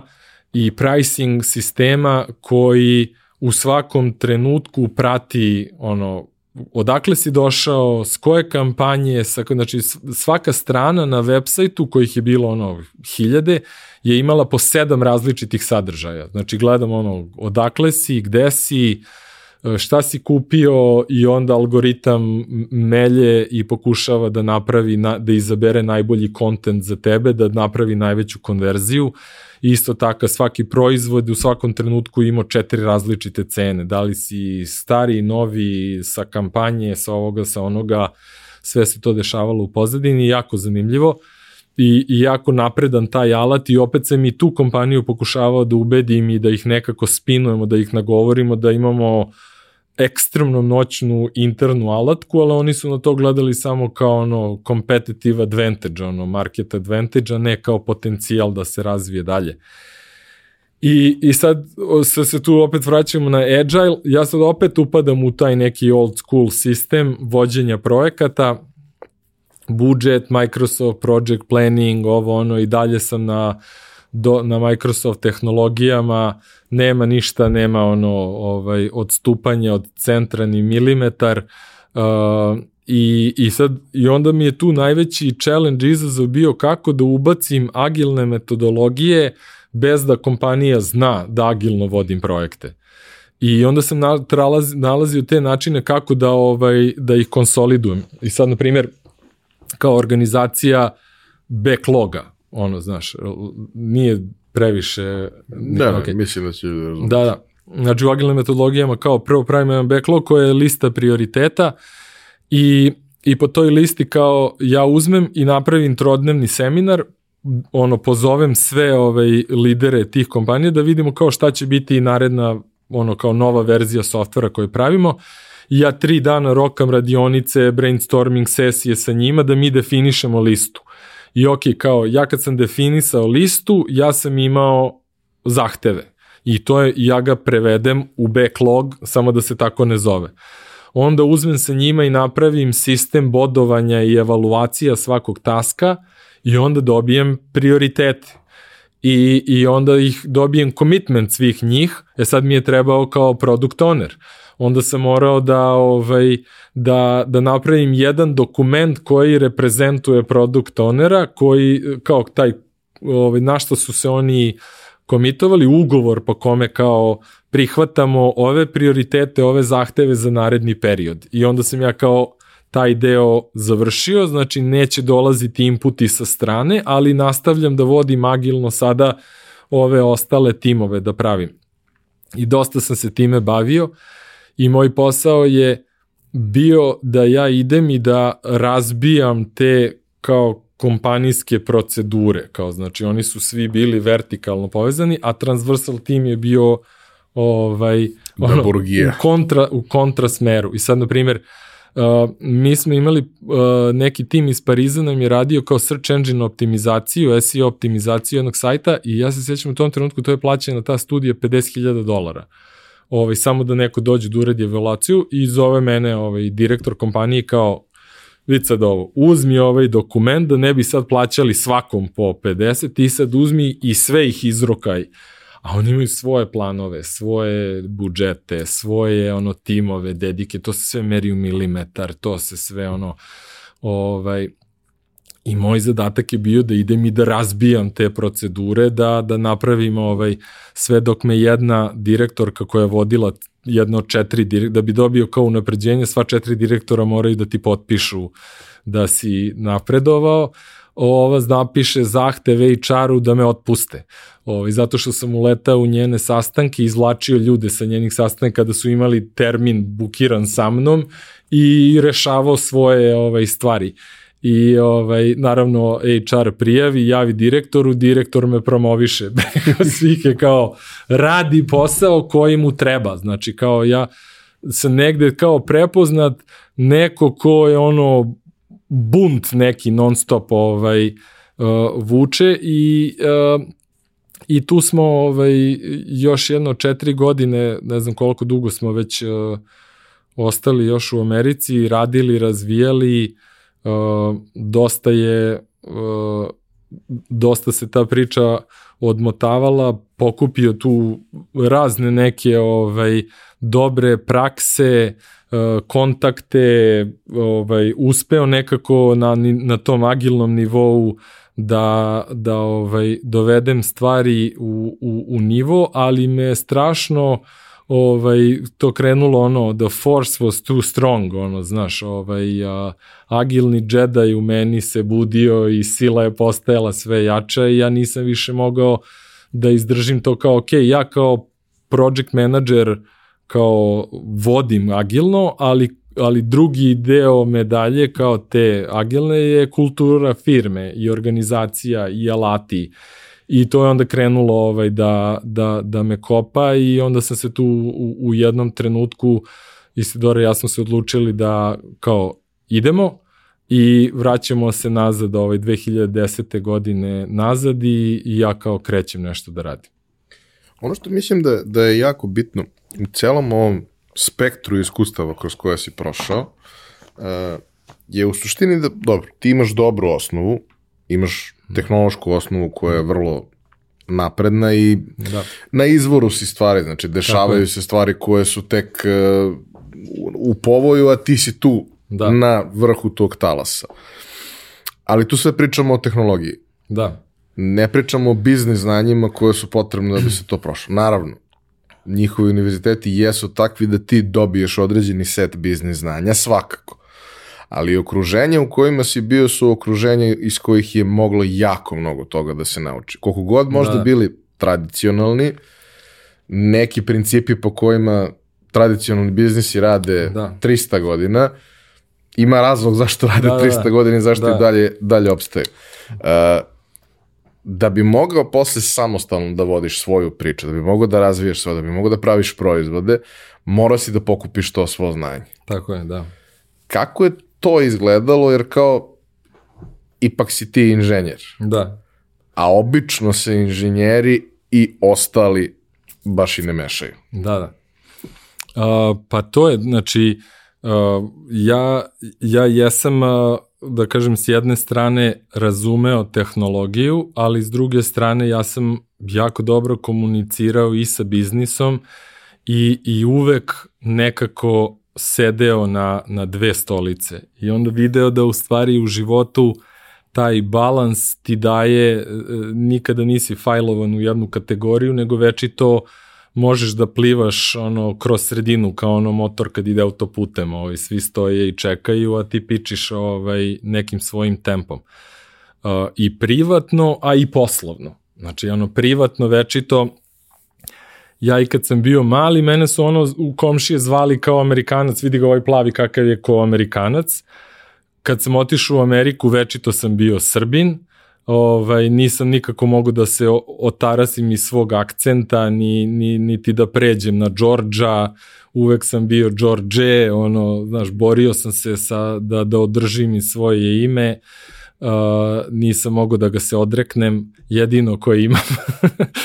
uh, I i uh, ovde sad kad sam se vratio, sad po svom ponašanju i po svim nekim manirima ja dosta se ponašam kao Amerikanac i trudim se da sve to što sam tamo negde naučio ovde, ne, ono, sa mnom je, mislim, svi su uvek u šoku na sastancima kao koliko sam ja otvoren i iskren. I to je ono odlika neke američke kulture, opušteno, znaš, kao šta sad glumatamo, ono, znaš, ovaj, to je prosto odlika neki ono Amerikanaca sediš sa nekim ozbiljnim macanima koji su najnormalniji ljudi, ponašaju se normalno, rade i da obično znaš, ti ob... ozbiljni budu tako. A obično, da, da, da, znaš, dok ovde imaš uh, totalno ono, znaš, drugačiju scenu. Jednom sam prisustvovao, išao sam u jednu veliku kompaniju i sada ne imena tu, ali ovaj, uh, ulazim u zgradu, idem na sastanak, penjem se liftu, ide obaveštenje da se svi sklone sa hodnika,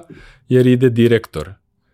I ja kao, mislim, sklanjaju nas, ove goste, ne znam ko je sad tu, svoje zaposlene koji dolaze na svoj posao za tu kompaniju, sklanjaju se sa hodnika, ne bi li direktor ušao u lift i kao sproveo se gore.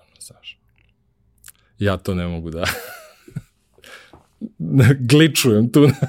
Znaš, ovamo, ja sam upoznao ono Tony Shea, koji je vodio Zapos, nažalost preminuo prošle godine, uh, veliki ovaj čovek i, i, i ekstremno uspešan. Prodao je Amazonu kompaniju za milijardu. Mislim, šta sad pričamo dalje, ko je Shea. Uh, bili smo na konferenciji u ovaj, South by Southwest ovaj, u Ostinu, koja je najluđa konferencija na svetu. By the way, vi ste napravili fenomenalnu konferenciju, svaka čast. Hvala, hvala, ovaj, trudimo se. Da, da, stvarno, stvarno sam ovaj, uživao i puno naučio. Uh, ovaj, i, I ja sedim ovako i Toni sedi pored mene na patosu sa nekim malim rancem. I ja kao konkurent iz respekta, kao ono, skočim, kao, Toni, kao molim te sedi ovde, kao ne, ne, kao sve okej, okay, kao, znaš. Čovječ sedi na patosu, ono čovjek prodao kompaniju za milijardu, sedi na patosu i gleda konferenciju kako neki lik koji ono može samo da sanja da bude kao on ove, i vata beleške. E, to je, to je ta ono malo razlika ovaj, e, poslovnog sveta kod nas i tamo, ali nema veze. Ovaj, uh, i uh, ja kad se vratio, pitao si me, uh, isto tako i, i poslovno. Znači, ja sam kao u IT-u, ja čitam, volim, čačkam, gledam sve što je vezano za neku inovaciju, tehnološku, bilo kakav alat, ja volim to ovaj, da ono, osnovao sam 30 Hills iz razloga zato što sam hteo da se bavim custom developmentom, softversko, ono, kod, znači da ja sedim, pišem kod od početka do kraja, kreiram bazu, to mi je, to mi je bila želja. A s druge strane, uvek ovako vuku te druge stvari na project management, na prodaju, na komunikaciju sa klijentima i ceo taj aspekt i onda ta neka kombinacija između ta dva sveta je mene uvek ovaj gurala da ja idem u tom smeru u kome ide i da stignem do ovde dokle sam, dokle sam nekako stigao i to ja uvek i sad kad pričam sa, sa mladima i sa studentima uvek im ističem da, da i tu drugu granu gaje, da razvijaju. Da je ovaj da je da je vuku ovaj. Mi smo sad uh, zaposlili devojku koja će raditi u marketingu uh, koja je završila ETF softversko inženjerstvo da radi kao content writer i, i marketing i biz dev. Znači nama treba neko ko stvarno razume, a hoće da se bavi. Ja se zamislim kad bi ja sad napisao oglas kao treba nam ETF-ovac četvrte godine koji nema posao. ovaj, već zvuči. Ali, ali to je to, ovaj, na, na, tom, na tim nekim ono hakerskim principima se i, i zasniva kompanija da uvek pokušamo da hakujemo igricu sa, sa, sa druge strane. Uh, uh, sad smo ovaj, se vratili na, na, na, na Tonija, uh, on je stvarno imao nekako velikog utica, jer ja sam dosta rano krenuo da pratim njegovu karijeru, on je i napisao posle toga i super jednu knjigu, Delivering Happiness i, i ja sam tražio neki, neku ono, opet se kaže, ja sam u biti u stvari inženjer i uvek imam taj neki ono organizovani pristup životu, ja moram da organizujem, da složim stvari, iako stvari nisu simetrične i, i oblikovane, ja ne mogu da, ovaj, da to podnesem.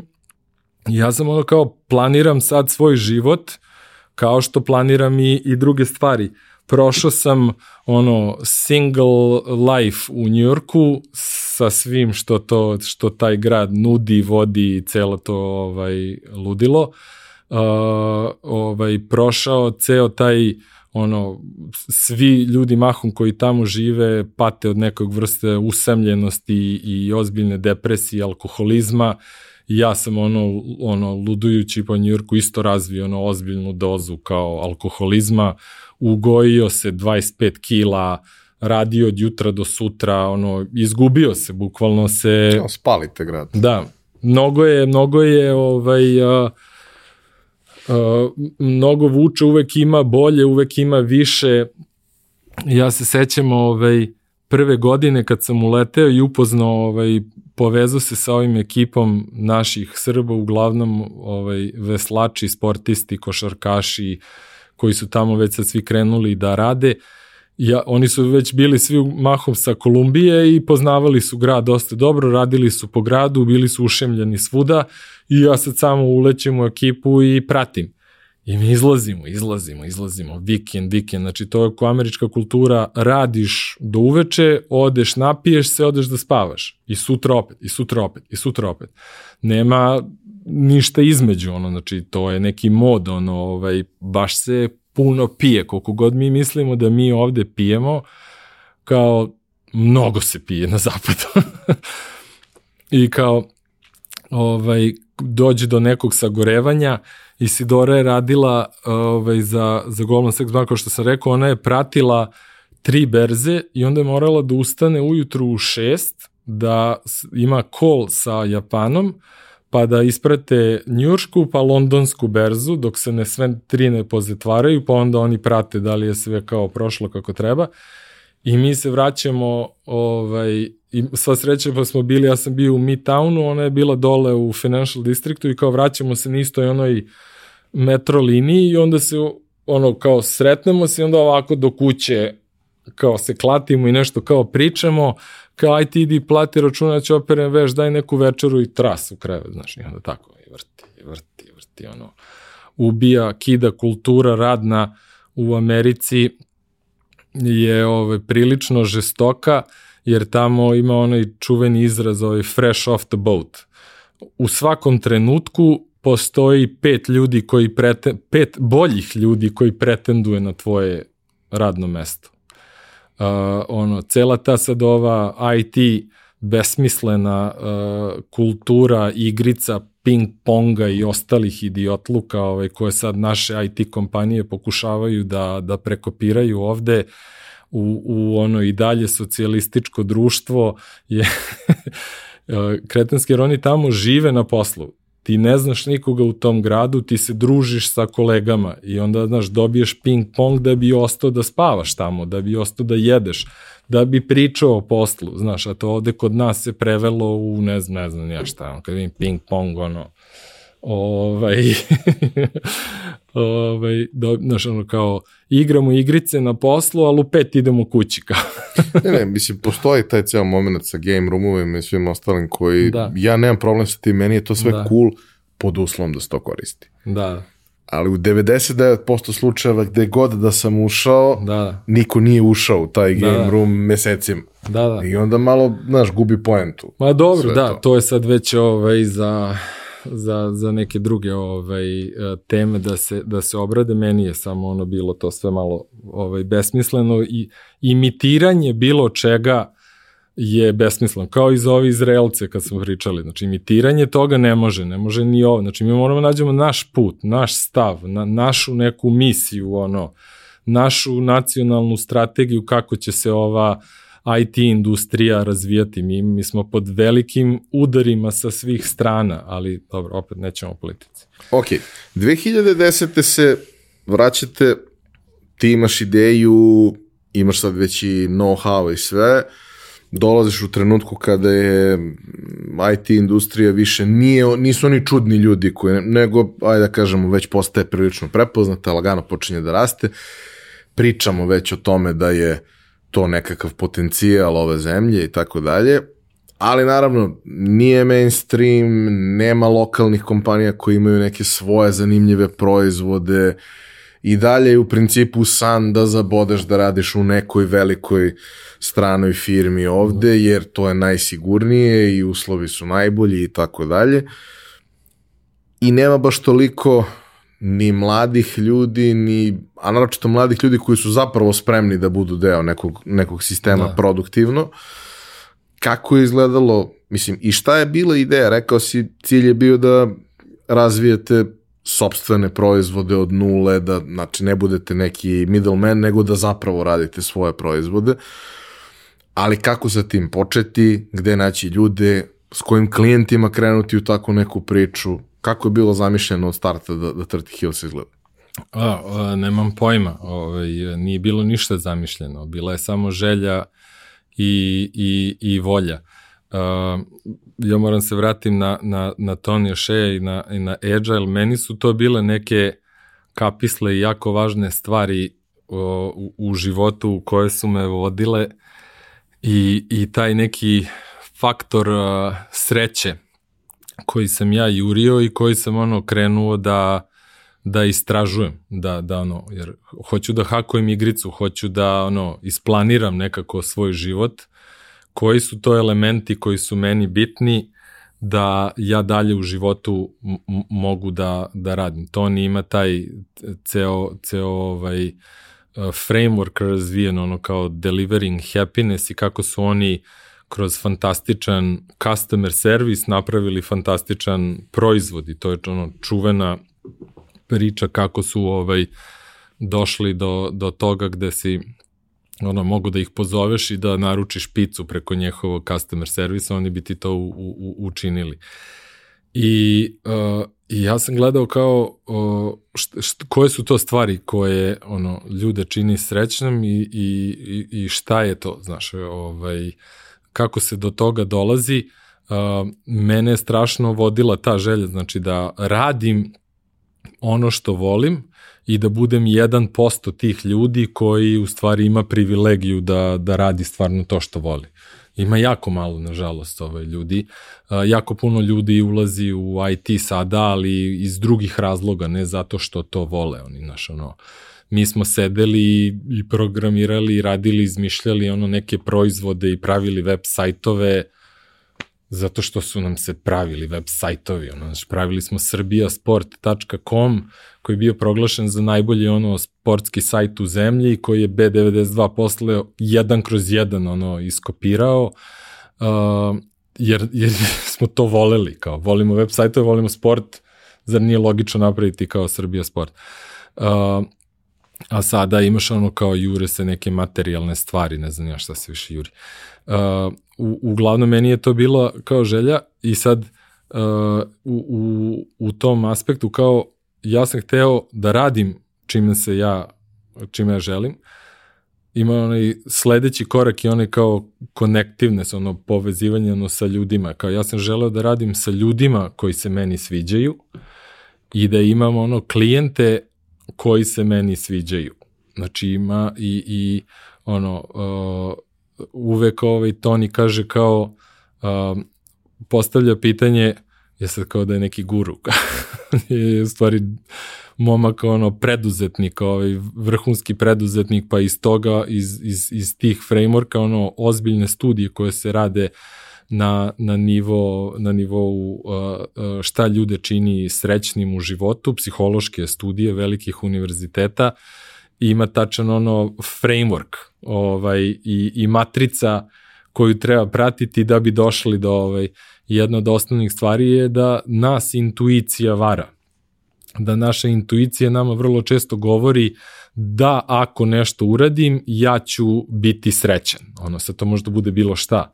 Da ja ako pokrenem svoju kompaniju, ako nađem devojku, ako kupim auto, znači kao to, e onda shvatimo vrlo brzo da to nije ta dugoročna sreća i da na toj dugoročnoj sreći mora da se radi, da ovaj, takav jedan sistem mora da se postavi i, i neki uh, kriterijumi moraju da se postave kao da li želimo da budemo srećni, onda moramo da pratimo ta neka pravila. Kao, uh, na primjer, ako ja kažem uh, jedna od osnovnih tih postulata je kao ja moram da imam dobar tim, da volim sa kim radim i da imam dobre odnose sa tim ljudima ako moja kompanija raste ono 20 ljudi nedeljno, to nije to. Znači, to nije to. Znači, postoji tačno jedan ono broj ljudi, sad ovaj, mene stalno svi zazve zašto Trti Hills uvek ima 25 ljudi. To je neki obim gde ljudi imaju dobre odnose. Sve preko toga Nije tim se da deli. Budu bliski. Budu bliski, tako je, da, da ovaj, da vole da rade jedni sa drugima, da, da imaju, da dele iste vrednosti. Znači, onda to nije to. Ovaj, uh, i, I onda kaže, kao, zašto to hoćeš da radiš? Ovaj, ti sad kažeš, pa ja hoću da otvorim svoju kompaniju, jer onda mislim da ću biti ovaj, slobodniji, zarađivati više ili raditi svoj proizvod. Pa zašto? Onda drugo opet se postavlja kao zašto opet to hoćeš da radiš? Uh, onda dođeš kažeš da bi bio srećan. Znači uvek je krajnji odgovor, svi mi tragamo ka toj, ka toj sreći. I ja sam nekako to dosta rano u video i, i, i pokušao da imam ono inženjerski pristup tome. Ono da postavim sebi stvari u životu kao šta će meni ono doneti tu neku dugoročnu radost i, i ovaj, sreću. Prva stvar nisam hteo da, da ono rizikujem svoj odnos sa sa tadašnjom devojkom, nego sam presekao, ono, kao, ok, ovo je jedan od stvari koji je meni jako bitan, taj emotivni faktor, ono. Ne, ne smem da izgubim takvu osobu iz svog života, ovo ću da presečem, znači, donose se jako teške i rigorozne odluke koje finansijski mnogo koštaju, ono.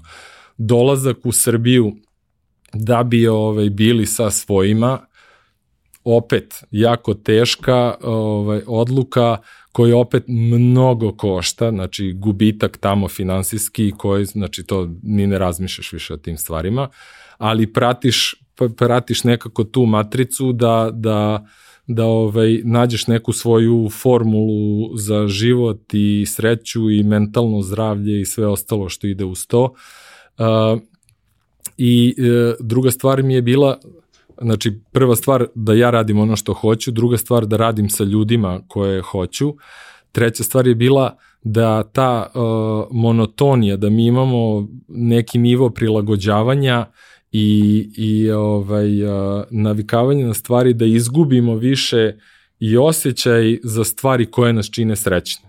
Znači, uh, meni to u Trti Hillsu se pre, prepisuje u činjenicu da smo mi servisno orijentisana kompanija. Znači, ja sam video uvek da posle 18 meseci rada na jednom projektu apsolutno dolazi do zasićenja do dve godine. I, i čak ako proizvodi idu dobro, uh, ako je klijent zadovoljan, ja nasilno skidam ljude sa tih projekata, jer je meni čovek bitniji nego taj klijent. Znači, ja opet moram da znam vrednosti kao šta mi je bitnije i opet to finansijski puno košta. Znači, gubita klijenta uh, mnogo košta, uh, ali, ali ja kao moram da se držim nekih svojih vrednosti. Uh, Uh, i, I neka četvrta stvar je taj uh, ovaj, uh, upoznavanje novih ljudi.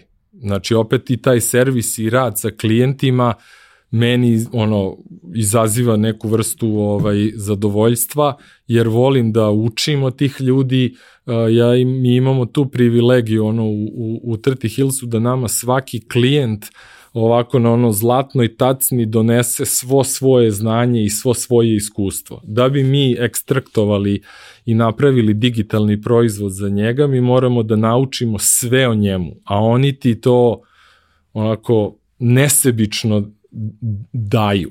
Ovaj, I vrlo često mi budemo u situaciji da znamo mnogo bolje kako ta kompanija funkcioniše nego sami zaposleni koji su 20 godina u toj kompaniji. Jer se tim poslom bavimo, ono, rasturanjem sistema i pravljanjem u neku sledeći nivo neke te digitalizacije. I, i to, to, je, to su bili neki ono od samog starta uh, primarni, ono, primarne neke uh, vrednosti i želje na koje je onda postavljena firma i zašto je ona takva kakva jeste sada. Nije, nije dobila ovaj neki, neki drugi oblik. Mi smo pokrenuli kompaniju 2010. znači ovaj posledice one finansijske krize 2008. aktivno su se i dalje učestvovale, a kod nas je u stvari kriza zakasnelo stigla tek 2010.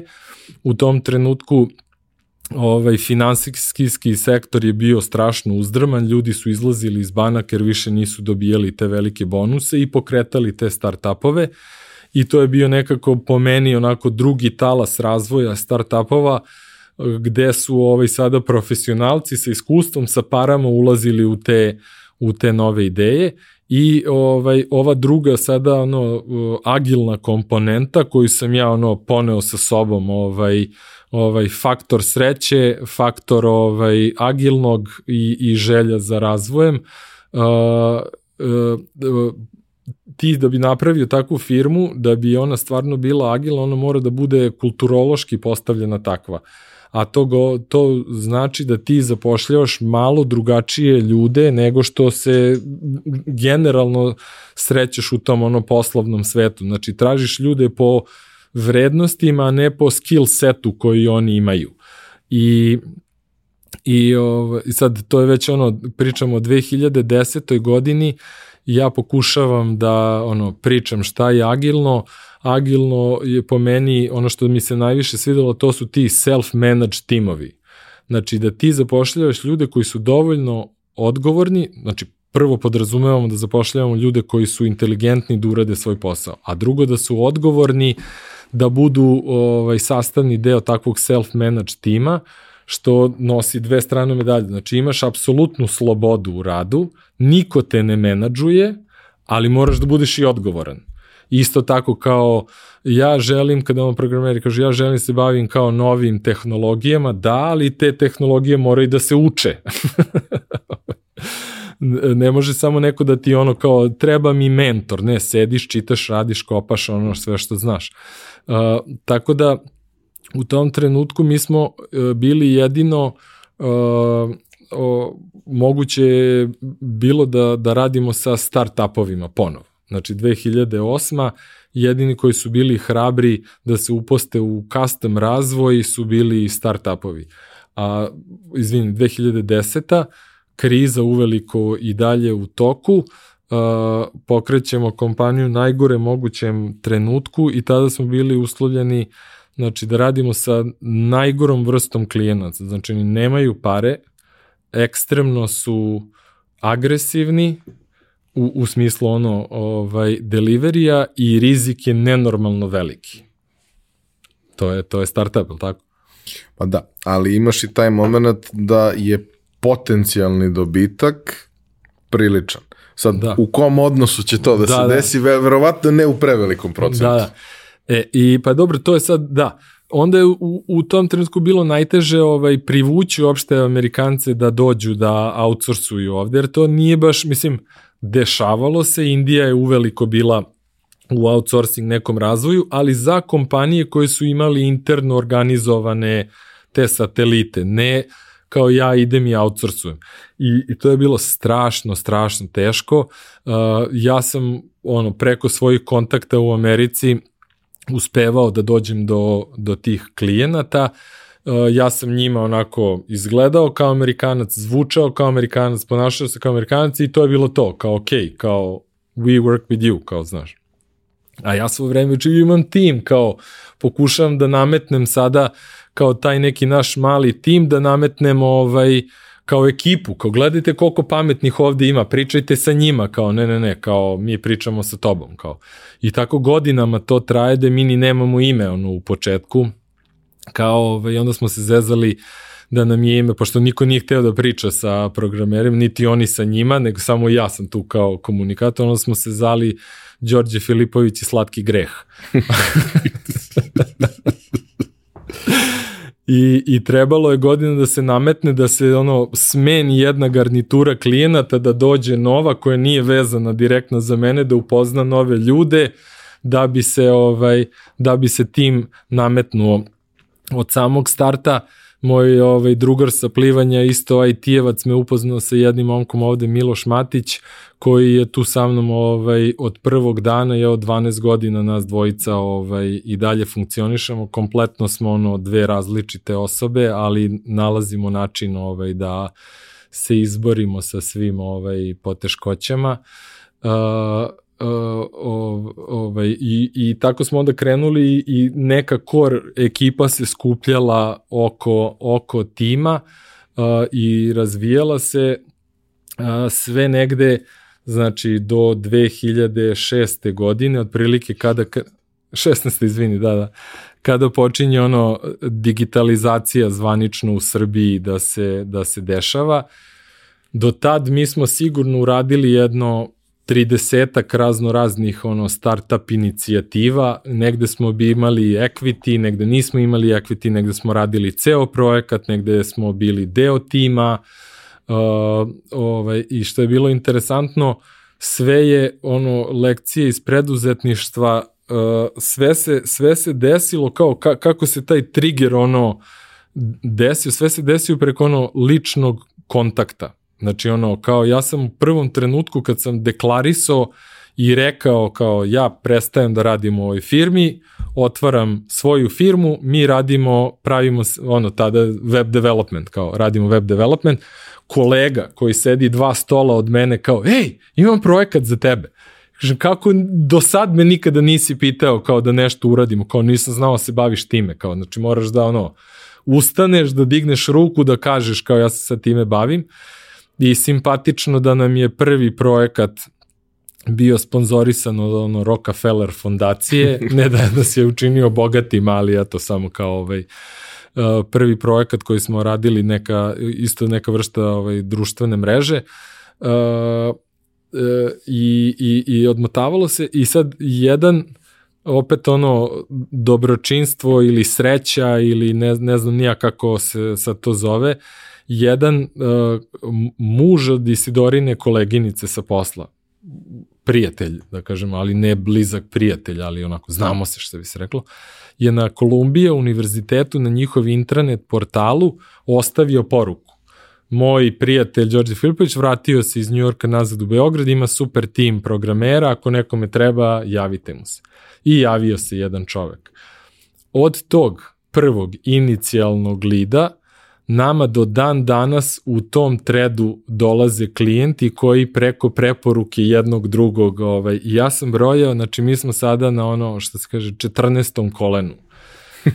Bukvalno, znači od tog prvog do današnje, evo sad radimo jedan super projekat Move Together, ovaj, aplikacija za sport, je došla od tih nekih ovaj, inicijalnih, u celom tom nizu su bili tu i Winklevoss Brothers, ovaj, nakon što su izašli iz Facebooka, napravili su svoj inkubator u Njujorku uh, i mi smo radili jedan projekat sa njima, imali su tri tada projekta, taj Huckster, Bitcoin i još jedan, ovaj, mi smo bili ono hot shot, Bitcoin je tek bio u ranoj fazi i, i sad tako to, tako to kreće, ovaj, kao i, i ona smešna priča, uh, o, oni su tražili, klijent je tražio njihov taj kao devojke koje su vodile Hackster, kao treba im Python developeri. U Srbiji u tom trenutku niko ne radi Python, niko ono bukvalno, uh, kao jure traže, mi ovaj, jurimo po Twitteru, jedan dečko se javi Nikola kao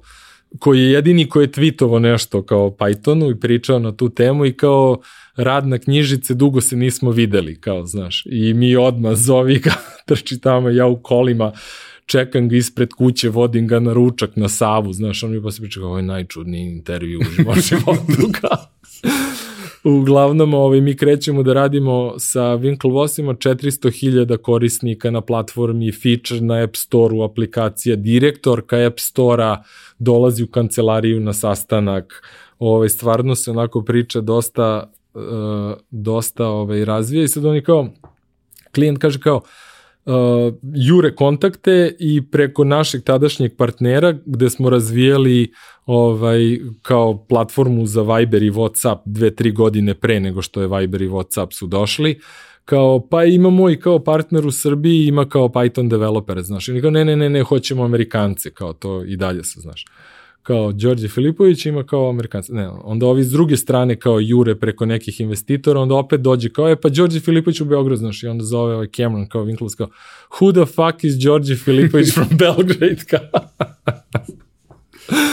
kao sa svih strana i tako smo krenuli da radimo sa njima i razni ovaj, klijenti i najveći problem u tom periodu je bio što smo mi stvarno bili u toj poziciji da vidimo kako će se stvari dalje razvijati i, i uletali smo u te neke uh, start-upove koji su bili daleko ispred svog vremena. Znači, kao što kažem, Viber i Whatsapp su mi razvili, zvala se Vintage platforma, ono, dve godine pre nego što su Viber i Whatsapp izašli. Ovaj, uh, jednostavno u nekim trenucima potrebno i taj timing je esencijalan ovaj, sa sa drugarom Nikolom Ćosićem koji vodi CP Development razvili smo ovaj Instagram, ovaj, zvali smo ga IFBM Places kao automatsko šerovanje, postovanje slik, ma, mislim, bukvalno smo, ovaj, ali uh, tu je bila još gora situacija što smo ja i on samo to interno koristili. ovaj, kao ćemo ga pustimo, nećemo, hoćemo, nećemo i onda smo tako to razvijali iz ono čiste, ono, znaš, zezanja. Uh, uh, nikada ga nismo ono ni promovisali, ni puštali kao posle toga izlazi kao Instagram i nas dvojica se gleda kao šta se ovde dešava, ali dobro, to su sve lekcije usput koje se uče. Uh, I to si pričao kao da li će se isplatiti ili se neće isplatiti. Znači u tom talasu nema para i svi daju equity. Znači zatrpavaš se equity-em. Ono. Uh, ja sam na ono tech crunchu CTO u 30 ono startupova, ovaj, ovi moji su me interno zezali renta CTO, ono, znaš. uh, gde god fali kao ajde u leći, e onda nailazi period kada dolazi dosta para, je dostupno, već ono 2016. i sad niko ne da equity, znači ono svi plaćaju cashom, equity se ono čuva uh, kao zenice oka, ovaj, da bi sad na kraju opet došli u neki period gde se, gde se radi kombinacija kao i cash i equity. Jer sad i dalje mislim da ima dosta kao ovaj uh, investicija su dostupne, pare su tu, ali nema ljudi. I sad treba vezati i oformiti dobre timove oko toga. Znaš, tako da smo i mi prolazili kroz te neke razne faze uh, od samog početka gde smo uletali u te startup inicijative, pa onda ovaj, partnerski sa Amerikancima, da je bio ovaj, prvi put kada smo napravili jednu fenomenalnu stvar, klijenti rekli, e, izvinite, ali mi više nećemo da se igramo sa vama, zato što investitori uh, neće da imaju core tim inženjerski u Srbiji. Kao, ako će dati pare, firma mora da bude u Americi, tim mora da bude u Americi, kod mora da bude u Americi. Dobro, bilo je takvih ovaj, slučajeva dosta sa investitorima, naročito u, u tom nekom periodu tamo da. prve polovine da. druge decenije 20. meni je da, ja kako sam ono uvek zamišljao taj vrst commute, ovaj večiti koji sam kao svi hoće da idu u Ameriku, a ja sam jedin koji se kao vratio iz Amerike i onda kada bi našao partnera koji će da razvija biznis ovde, a ja razvijam tehnologiju ovde, to je taj meč. Da mi napravimo, da imamo ovde ono super ljude, a da s ove strane imamo prodaju kao to je to, kao ta, mislim, to je bilo moje logično razmišljanje, međutim nisam shvatao koliko Srbija ima lošu reputaciju u tom trenutku, da je politička situacija nestabilna i da jednostavno neće ljudi da se komituju, neće uopšte da rizikuju. Uh, I to mi se prvi put desilo gde je taj startup, mi smo ih od nule podigli na nivo ovaj ono serije A da da sad fundraisuju milionske sume i onda su samo rekli pare više nisu problem i zapošljavamo tim u Americi ok, kao desilo se prvi put. E onda smo radili drugi jedan startup, uh, Viv, koji je bio kao Uber model za salone. Uh, mi smo ga opet od nule podigli na neki uh, nivo, gde smo, gde je projekat uleteo u čuveni Y Incubator, gde smo mi kompletno ne samo pružajući tehnološki, nego i biznis model promenili. Znači oni su imali neki sistem, sviđam se kao ovaj, uh, kao, kako bi se rekao, kao ono booking sistem, kao kao što radi Uber, međutim ljudi u salonima nisu hteli da ono check in, check outuju se non stop, smo mi morali kompletno to da urušimo, da napravimo dispatching sistem koji ono šalje notifikacije i promeni ceo model da su stvari dođe do nekog ono subscription modela, da umesto da plaćaš po transakciji ti imaš kao prepaidovan si onda unlimited imaš ovaj usage. Taj projekat je uleteo u Y Incubator, uh, razvijao se tu sve dok trenutka dok nije napravio exit gde ih je konkurencija sa više para pojela. Opet ono surova istina ovaj, start-upa o kojoj se jako malo priča, uh, ono to finansijsko mešetarenje, surova konkurencija i izbacivanje foundera i sobstvenih timova, koje je i sad i kod nas, koliko vidim, postala prilično onako ozbiljan problem, o kome se naravno skoro ništa ne govori. Uh, Dobro, onog trenutka kad se pojave nekakve velike pare, mnogo toga se promeni. Tako je. I ti sad od samog početka moraš da budeš spreman za, za te ekstremne promene. Uh, I uh, mi smo znači se razvijali, uh, ja sam bio napred nazad uh, išao u Ameriku, o, razvijali smo te odnose, gurali smo startupove, puno smo učili, uh, oslanjali smo se dosta na, na tu agilnu metodologiju, što bi rekao Radon, o tupek zube govoreći o agilnoj metodologiji, čak i ono, mislim da u jednom trenutku i, i moj tim ono počeo da, da misli da sam lud, da sam sve to sam izmislio, pa sam morao da zovem ovaj konsultanta sa strane. Dobio sam preporuku kao za Jasminu Nikolić koja je došla i sad je tu negde ona bila između neke kladionice, nas, pa je išla u Nordeus, pa kao, i sad dolazi kod nas i kao ono totalno zezanje, kao vidi kulturu postavljena na agilne metodologijama i kao neće da ide kući, kao off you go. ali ovaj, e, od nje sam strašno puno ovaj, naučio. Ona je prvo mnogo to bolje i lepše prezentuje, ovaj, jer je ona profesorka na filološkom. Uh, prezentuje i sad ona meni, mi sedimo i pričamo, ona kaže ti tretiraš svoje klijente kao da su product owneri, a oni nisu kvalifikovani za to. I ja ono kao propadam u stolici, kao kako treba neko da dođe sa strane da ti kaže tako nešto što je jako a ti to ne možeš. Ja ono brzo na oglase, ne, ne postoji pozicija produkt onera u Srbiji, ne postoji pozicija produkt onera u svetu, kao ja kao smeli se to, kao smem ja da, da, da kao ponudim product development kao servis. I ja sam to krenuo da guram celu tu priču, da nas pretvaram u stvari u product development team i da, i da kreiram rolu product ownera, prvo ja sam, kada sam ubedio svog klijenta kao, vidi, ti si founder, tvoj zadatak je da fundraizuješ, da juriš klijente, radiš marketing, razvije biznis model, ovo ono, digitalni deo proizvoda ja preuzimam, ja sada nosim ulogu i mogu da ti dokažem da sam u tome pametniji i bolji od tebe jer imam nenormalno puno iskustva, video sam razne stvari i razne industrije i samim tim mogu da primenim best praktise, poznajem tehnologiju, imam ljude, sve znači na mestu i ja to uspevam da uradim. E, sledeći veliki zadatak je bio da li ja to sad mogu da prebacim na nekoga drugog, kao da, da dovedem. I o, ovaj, tada je došao jedan ovaj, momak koji je bio iz ovde lokalne IT zajednice, ovaj Microsoft korporativni deo sveta, mi ovamo startupi se nas dvojica sedimo i pričamo kao, znaš ovog? Nemam pojma, znaš ovog? Nemam pojma. I dolazimo do shvatanja da je ono jasna linija podvučena, da se ni ljudi na nivou programe ne prelaze iz ovih domaćih IT firme, domaće IT firme koje rade za domaće ili koje rade za strance, ono, nevidljivi su jedni ka drugima, ono, podelio se open source svet i kao ovaj korpo, korpo tehnologije ovaj svet i, uh, i, i onda sam uspeo sa njim pa sa još jednim, pa sa još jednom devojkom i, i tako smo ovaj, mogu sigurno da kažem ovde kod nas bili pioniri u, u, u razvoju te kao tih produkt ownera, jer znaš kad vidiš da, da ne postoji oglas, znači meni je to validacija uh, da, da se nema, da se ne traži, da se to ne kvalifikuje, da uopšte ni ne sme da se prevuče.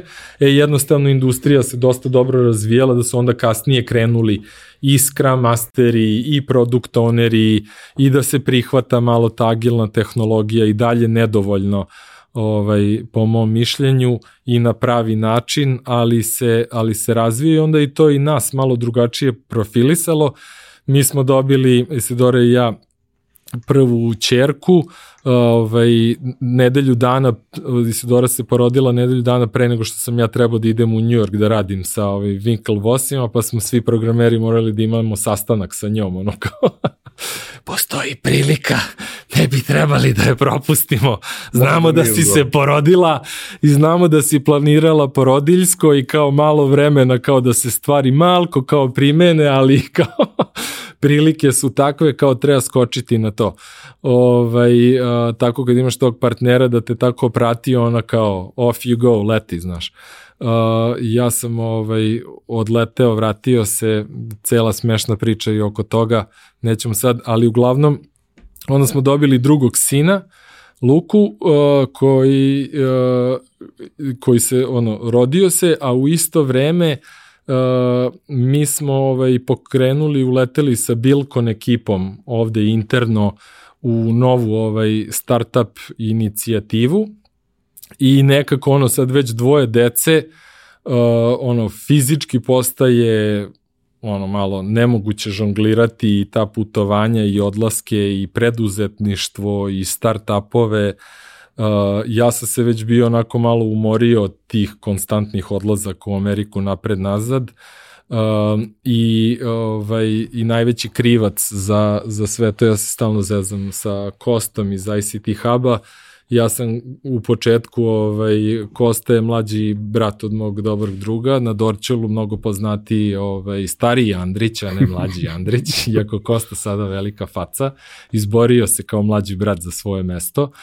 Ovaj, pomagao od samog početka ono da ga o, oko ovaj, E, dok su podizali ICT Hub na, na privatnom nivou ovako ovaj, e, drugarski i onda samo to kao korespondencija stalno sa ICT Hubom, kao ja i pomozi daj napisi, mi smo ono pisali prve teme za prvi fintech kad je Sože banka radila.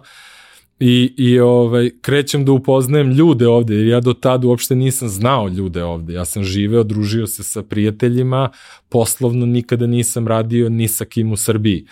I, i kao krećem da upoznajem ljude, otvara se neki novi svet i kao koliko ovde fantastičnih i dobrih ljudi ima i kao slušaju šta im pričam. Kao, znaš, dok si u Americi kao večito, kao ovaj, tek neki ono outsourcing, boriš se večito sa njima, ovde ljudi slušaju, pričaš, ovaj, živ čovek, ono, sediš, pričaš, upoznaš fenomenalne ljude i tako smo krenuli da radimo prvo sa sa Sože bankom i onda krenulo i ovde od jedan put da se razvija taj kao korporativne inovacije.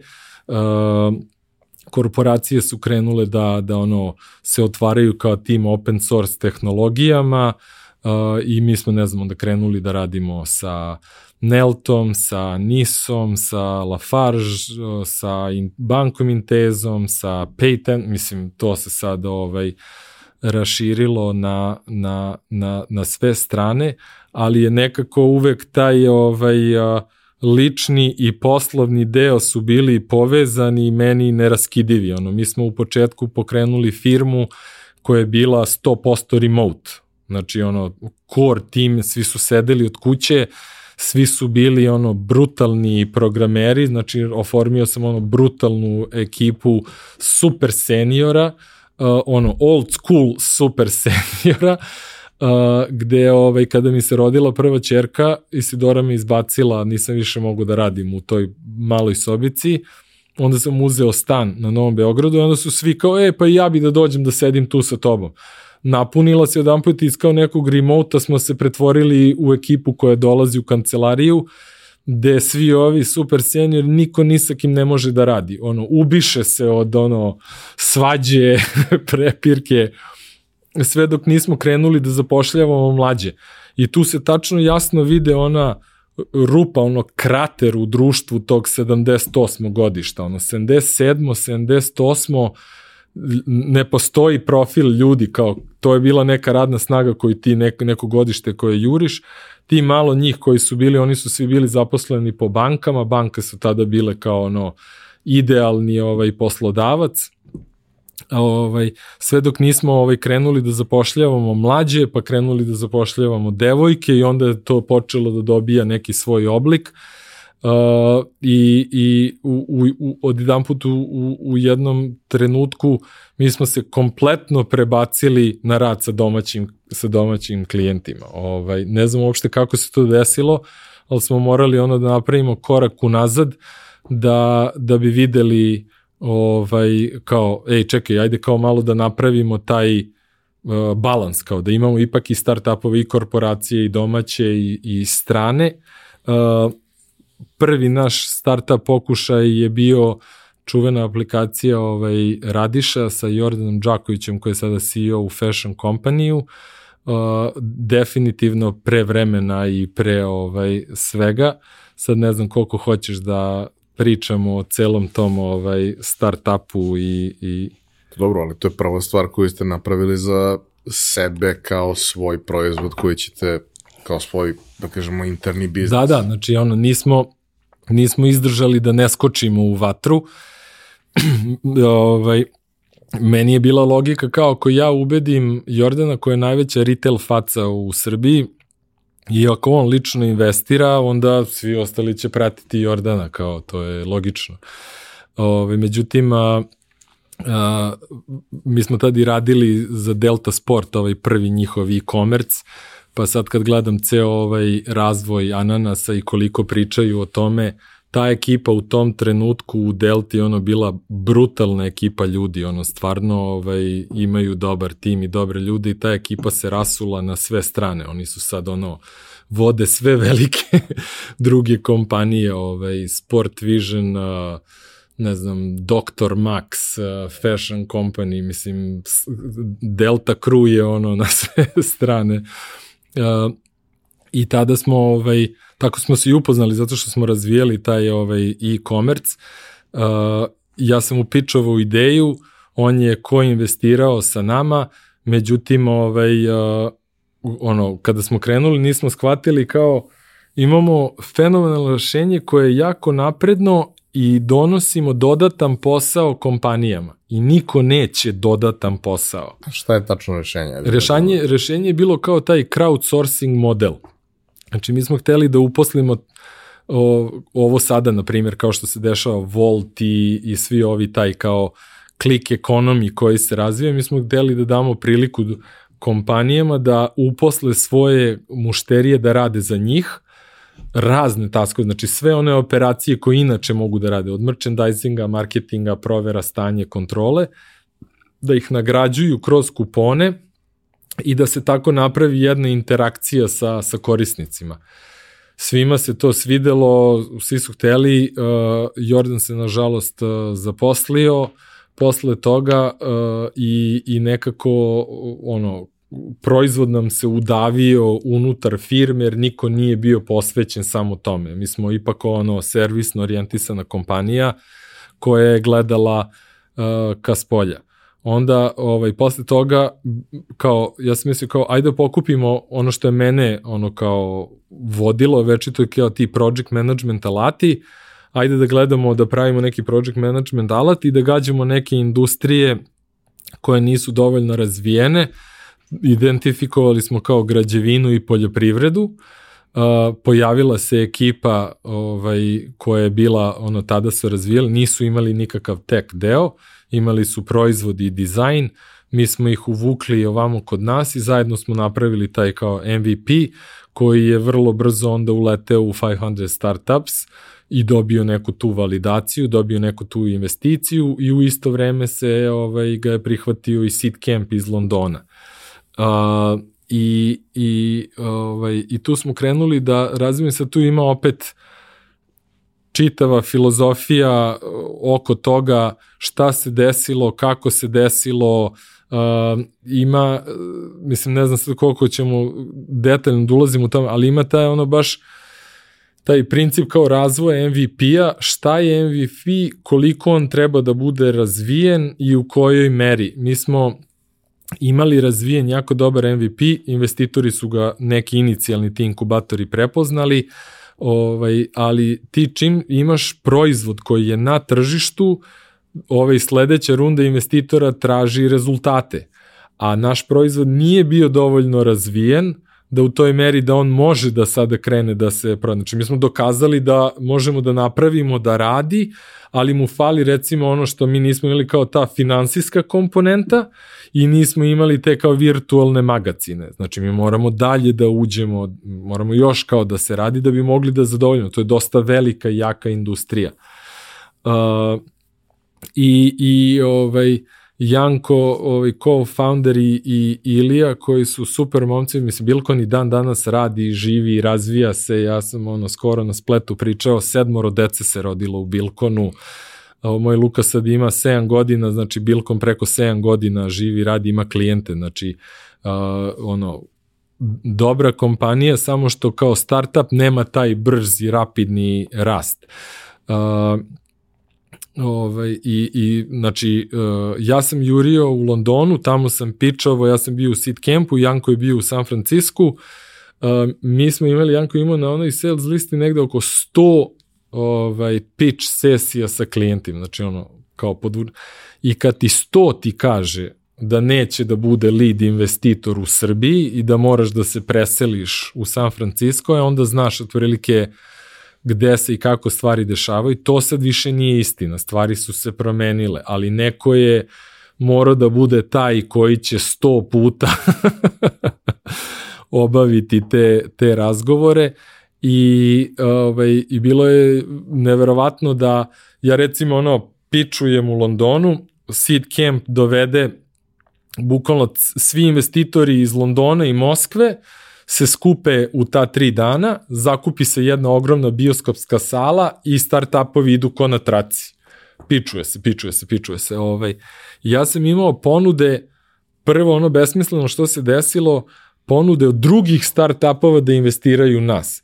Jer London i, i, i ovaj, Engleska uh, daju puno incentiva za investicije. Znači ja mogu da otpišem bez taksi svoju dividendu ako investiram u drugi startup. To se ovde sad inicijativa kod nas tek pokreće, Omorika i drugi fondovi guraju da, da se ta inicijativa zaživi i ja bih pozvao sve da to isprate i da im daju podršku jer je to jako bitno jedna od krucijalnih stvari za dalji razvoj ekosistema. Uh, znači to prvo. Onda mentori koji dolazi kao evo ja ću vam dati 200.000 dolara, meni se ovo mnogo sviđa, ovo je strava stvar, ali kao ja ne mogu da vam budem lead investitor.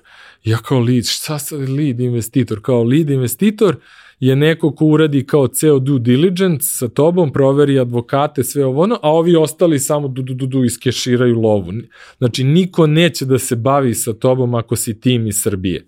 I pogotovo ako su još pre toga imali neko negativno iskustvo sa sa ovaj sa sa našim zakonima ili što se isto dešavalo i našim ugovorima i našim investitorima i sve to što bi se reklo odavde su skupe pare. I uh, i, i onda je ovaj Bilkon uh, nastavio mi smo uleteli jednom u, u radili smo sa Lafarge cementarom ceo njihov taj inovacioni uh, program smo prošli, prošli smo sa Štrabagom, godinu dana rada intenzivnog sa njima, celu njihovu metodologiju implementirali u taj alat gde bi u oba slučaja ovaj odgovor bio ipak u Beču se odlučilo da se koristi neko austrijsko rešenje, a ne ovo vaše.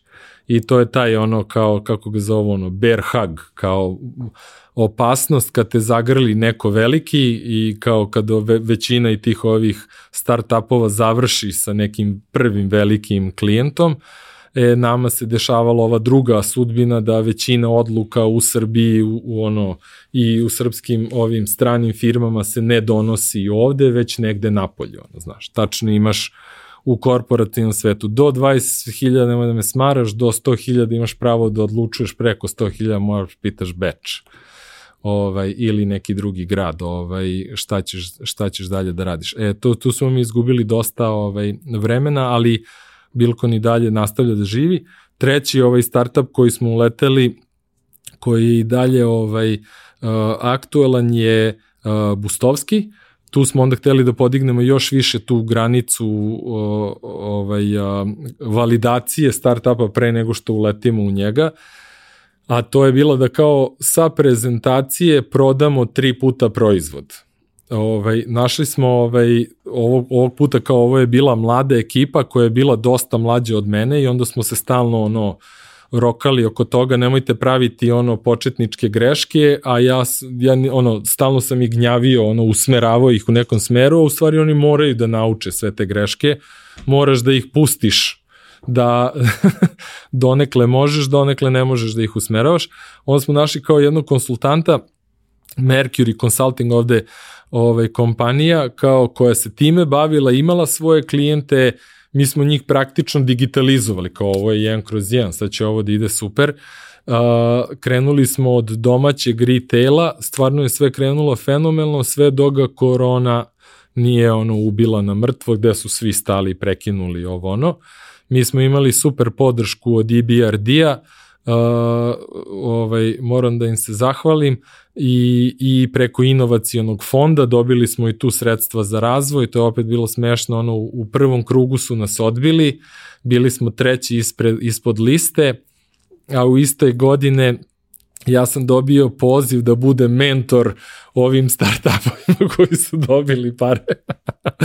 I ja sam se pojavio tamo i kažem inovacijom fondu, slušajte, evo mene ste upozvali, ja ću sve nesebično da vam podelim sve svoje iskustvo, ali šta god ja kažem, vi radite suprotno, jer očigledno vi ste dobri, ja nisam.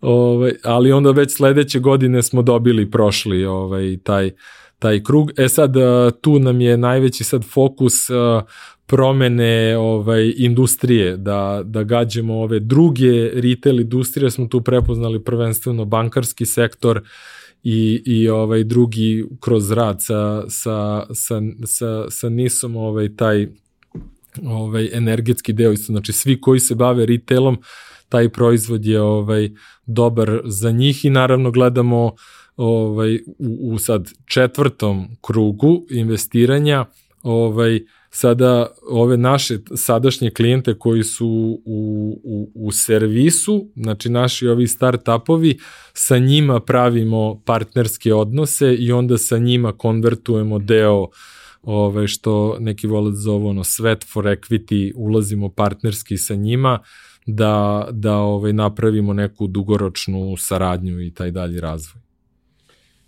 Predstavio si jedan ceo životni ciklus jedne male firme, da. Uh, sa svim izazovima koje donosi da. rad ovde i sa svim izazovima da. koje donosi rad u pandemiji. Da, da. Ovaj, naravno, IT firme su navikle da rade i remote i hibridno da. i da su vrlo fleksibilne po mnogo čemu. Naravno, postoje da. stvari kojih ne možeš da budeš fleksibilan, ali u suštini to je 10% stvari. Sve da. ostalo je nešto gde se ti prilagođavaš i gde ideš na to da zadovoljstvo ljudi bude na, na, na što više nivou. A, pominjao si taj moment da u trenutku kada ste se vi interesovali za to, u suštini nije bilo produkt ljudi ovde. Da. Nema ih i dalje dovoljno. Nema. Ima ih, ali nema ih dovoljno. Najveći deficit. Jer tu. to jeste upravo to gde se od tebe očekuje da imaš malo širi spektar znanja od da. samo tehnologije ili samo biznisa. Trebalo da, bi da. da budeš na nekom na nekom raskršću te dve stvari, a da opet budeš dovoljno dobar, pa možda i da budeš autoritet ljudima da. koji su u svakoj da, svojoj da. oblasti. Da. E sad, a, ono što radite i gde a, sada a, u trenutku kada bude emitovano bit će završen ciklus, ali, ali u, da kada snimamo u toku je i bilo mi mnogo simpatično i slao si mi neke fotke, atmosfera je sjajna i sve da. to. Uh, vi imate svoju internu akademiju. Da, da. Šta je ideja akademije? E, uh, ideja je potekla opet ono, američka praksa je da uvek imaš praktikante u, u firmi, ja sam to odmah krenuo da primenjujem kad smo se vratili i to je bilo ono uh, stick or miss ono fazon, znači dođe neko ovaj, na praksu, sedi tu, druži se sa nama, raducka, ako, ako previše pita, otpada, ako nedovoljno pita, otpada, ako nađe svoje neko mesto, mi ga prihvatimo. I onda smo imali ovaj, e, našeg dragog kolegu Marka Tomića koji sad vodi ceo back-end tim koji je došao na praksu pravo sa više elektrotehničke i kao u tom trenutku ne zna da programira i sedeo na nekoj jadan praksi od 8 meseci. Mi ga šetali, kod jednog drugara sedeo kući, pa i na ovaj, pa i na onaj projekat. Sve do u jednom trenutku ovaj, ja nisam spojio njih dvojicu. Juniora, kao aj sad vas dvojica ko jedan radite, izvolite projekat i ne zanima me. I kao krenite da se snalazite. I sve odjedan put kliknulo, on je odjedan put izleteo, ovaj, e, taj proizvod je na kraju i egzitovao, ono, strava stvari su se desile i Markova karijera je izletela i on smo shvatili da, da u tom treningu kao ako mi verujemo u startup i agilno, zašto ne treniramo ljude kroz startup i agilno? Ok, kao ajde da sad ne zovemo jednog po jednog, nego skupimo tim. Da napravimo od njih taj self-managed tim, da napravimo da im damo proizvod i krenite da radite i tako je krenulo. Znači onda smo ovaj, interno ra razvijali, to se pretvorilo u akademiju, ovo sad ja ne znam koja je, sigurno deseta generacija koja je tu, gde nama polako i ta kultura firme koja se ono faktor sreće o kome sam ovaj pričao uh, nama trebaju određen ono specifičan profil ljudi. Znači mi gubimo uh, koliko je teško zapošljavati ljude, nama je još teže zato što mi nećemo da zaposlimo bilo koga. Znači, mi nećemo da zaposlimo nekoga ko će narasturiti ekipu. Možda budeš brutalan genijalac i da rešavaš neke stvari, ako nisi dobar čovek, ovaj, ne možeš da budeš tu, ono, rasturićeš na ekipu, jer moja neka filozofija je da je, ono, nama ekipa važnije od pojedinca. Znači, ono, mi uvek branimo ekipu, ovaj, jer to nam je, to nam je esencija. I, I tako se to razvijelo, e, pa smo dodavali ono role backend, frontend, user experience uh, i naravno i, i ovaj product onere uh, i, i pretvorilo se u to da je nama sada tokom ovih godina 80% ekipe interno trenirano. Znači nama imamo taj period akademije, pa onda period kada uh, programer ono prelazi kod nas da radi, prati nekog od programera tri meseca, posle šest meseci dobija svoje mesto, posle godinu dana postaje ono samostalan ovaj, i to je neka lestvica. I sada pošto su svi interno trenirani onda i ta kultura deljenja znanja je izrazito izražena. Ono ne postoji način da ti pitaš nekoga za pomoć da ti taj ne pomogne jer ovaj od ozgo će samo da ga pogleda molim ko je s tobom sedeo godine i godine, kao, znaš, i to je izraženo tako, znaš, samo ovaj, samo ga ovaj pogleda ono očima sine. Tako da svi skaču i pomažu jedni drugima i to se ovaj dosta dobro razvija i mi sad ovaj uvidevši da da je ovaj industriji potrebno, a da imamo neku jako dobru i moćnu stvar, hoćemo malo da tu akademiju spinujemo u neki sobstveni ovaj biznis sa, sa strane, da je, da je startupizujemo. Uh, i da ovaj da pojačamo, da ne radimo samo jednu klasu godišnje, već da imamo kontinuirano svako kvartala godišnje i da sve ostale firme ovaj a, mogu da imaju benefit od toga. Znači hoćemo da budemo aktivni član ovog ekosistema i da gradimo taj ekosistem. Ono što je kod nas dosta dobro izraženo, uh, mi dosta konvertujemo ove druge inženjerske struke u development. Znači, nama su građevinci, ono, brutalni matematičari, oni se vrlo dobro saobraćajni fakultet. Mislim, mi smo imali ovaj devojku koja je došla Milena sa ovaj filološkog hoće da bude programer, ja vidim ono njen ono skill set završila kognitivne nauke u Beču, ajmo mi na product development stranu. Tako da kod nas je dosta imaš tih ono uh, cross funkcija, ovaj, kao što sam rekao, i ovo devojk sad koja dolazi sa ETF-a nije programer, ovi ne programeri postaju programeri i svi uvek imaju neke dualne role, ovaj, ali za to zahteva specifičan tim, ono ti moraš da budeš da dobiješ slobodu i da se razvijaš i da učiš, ali možeš da budeš i odgovoran. Ne mogu svi tako i ne može to kompanija da strpi kroz neki veliki i rapidan rast. Tako da nam je jedan od tih o, osnovnih stubova nam je servis, drugi nam je akademija, a treći nam je ovaj produkt, razvoj. Intern.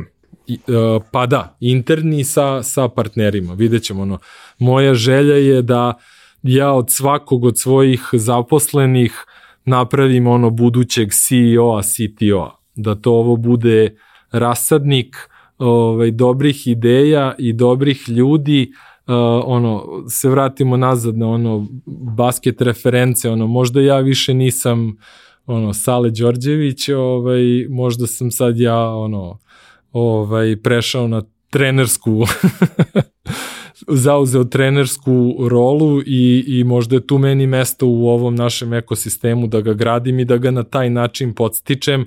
Možda ne treba da budem lider, možda treba da budem ono podrška iz kraja ovaj, taj, taj rasadnik. Tako da nam je to ideja, čak i ovaj, Nebojša ono bilo Tomić me stalno zezda zbog toga kao ovaj, ja imam, sretnem ga često, ovaj, dolazi tu kod nas u kraj i onda ist, na ulici ga sretnem i kaže, gde si Đola, kao li imate posla? Kaže mi imam, rastete? Ja kažem, ne rastem.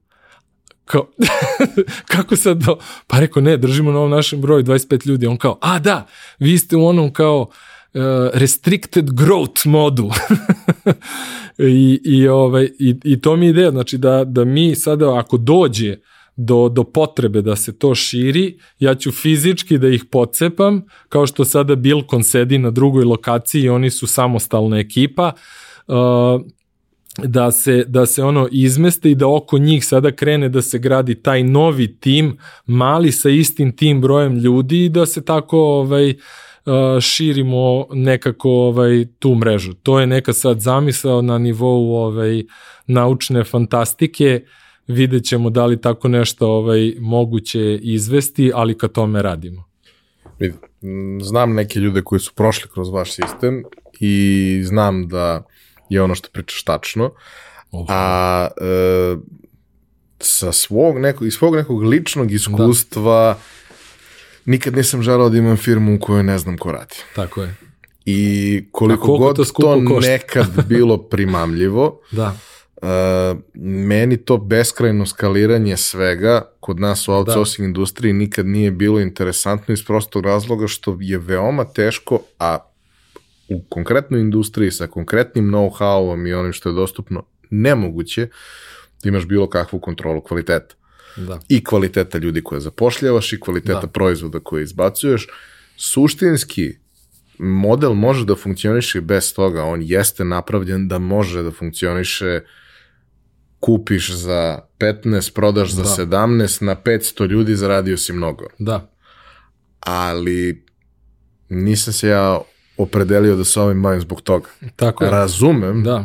ali me ne zanim. A kod nas ono, znaš, uh, medijska i LinkedIn scena i kultura koja se ono šta se propoveda je samo produkt, produkt, produkt. Ja radim na produktu, da se razumemo, ali ne verujem da produkt može sam od sebe tek tako da se ovaj da se razvije. Sramota je reći da ono voliš servis, to je ono, znaš, no no, nikako i sramota je ovaj reći da želiš da ostaneš kao mala firma. Uh, meni je ja, ja ono uzore neke svoje ono znaš u, u, u poslu uvek gledam uh, ova moja omiljena ekipa sa Taša preduzetnika počevši od Ivana Bevca koji je bio ovde gost i je najbolji podcast na svetu. Znači, u dahu sam, on mi je bio i klijent i, i, i ovaj, komšije smo i deca nam idu istu školu, ono, ko nije gledao, neka gleda. Uh, cela ta filozofija, šta je čovjek uspeo da uradi. To, to ja želim da replikujem. Znači, on je iz, iz jednog u drugi, u treći navigira u jako teškoj sredini u industriji koja umire, to je ono šmekirski posao. Mislim da, da, da je poenta u tome da uh, odlazak u nešto što da. je mnogo veliko podrazumeva da. preveliki broj kompromisa koji u suštini da. potpuno unište to zbog čega si ti ušao pa da. to. Drugi mi je isto ovaj, dečko car, Roki koji jedina osoba koja je rekla onako hrabro, znaš, što se dopeta ovaj, kao svi prodaju firme. Kao, svi, su, svi prodaju firme svi će biti izbačeni iz svojih firmi svi će kao dobiti pare. Kao, ok, kao pare ne donose sreću, kao to smo ono apsolvirali, kao ok, pare su nam potrebne, ali on je jedini u, u jednom onom podcastu rekao ja želim da ostavim svoju firmu svojoj deci. Razumeš? Znači to ono kao, Vidi, zašto je Nemačka tamo gde biznisu. jeste? Zato što su ono u trećoj generaciji, Japanci u ono u osmoj, znaš, nivo. Kao, kao, uh, da li je ružno reći, ja kad pričam sa našim ovaj, mudrim ekspertima iz industrije i kad kažem da želim da se penzionišem u sobstvenoj firmi, kao me gledi, kao, prodaj, kao to je prvo, ono sve, prodaj, kao sad je vreme za prodaj, prodaj. Ja kažem, i šta će onda Đorđe Filipović da radi posle toga? Pa opet će da uzme da radi ovo isto, jer ja to volim, kao ja, znaš, i, a šta ću da izgubim? izgubiću, ne, izgubiću ljude, izgubiću nenormalan taj timski kapital. To je ono što ljudi ne znaju koliko je teško napraviti taj kapital znanja na nivou firme. Jer meni ako ode jedan čovek koji je ono stub, mi ga zamenimo zato što svi znaju pomalo i svi jedni drugima pomažu i svi, znači, zato je nama tim bitniji od ono jednog ovaj, uh, uh, jednog čoveka, ali uh, nije sve u toj prodaji. Kao ajde da vidimo ko će da traje. Koliko je 2010. godine bilo kompanija, gde su sad sve te kompanije, gde su sve ta zvučna imena, gde su svi ti blockchainovi, gde su sve te kladionice, gde, znaš, ono, ipak ovaj, da li smemo da kažemo, evo ti meni reci, kao želimo da opstanemo i da dugo trajemo ovde. Vidi, u tradicionalnom biznisu je to bila da li je to stvar koja je totalna normalna. s- ludost kao za jednu IT kompaniju? Pa ja mislim da je jedan od razloga zašto imamo taj ugao kod IT-evaca, bez želje da bilo koga uvredim, Da. to što znaš da lažeš i nisi siguran koliko ćeš dugo još moći. Da, da, da. da.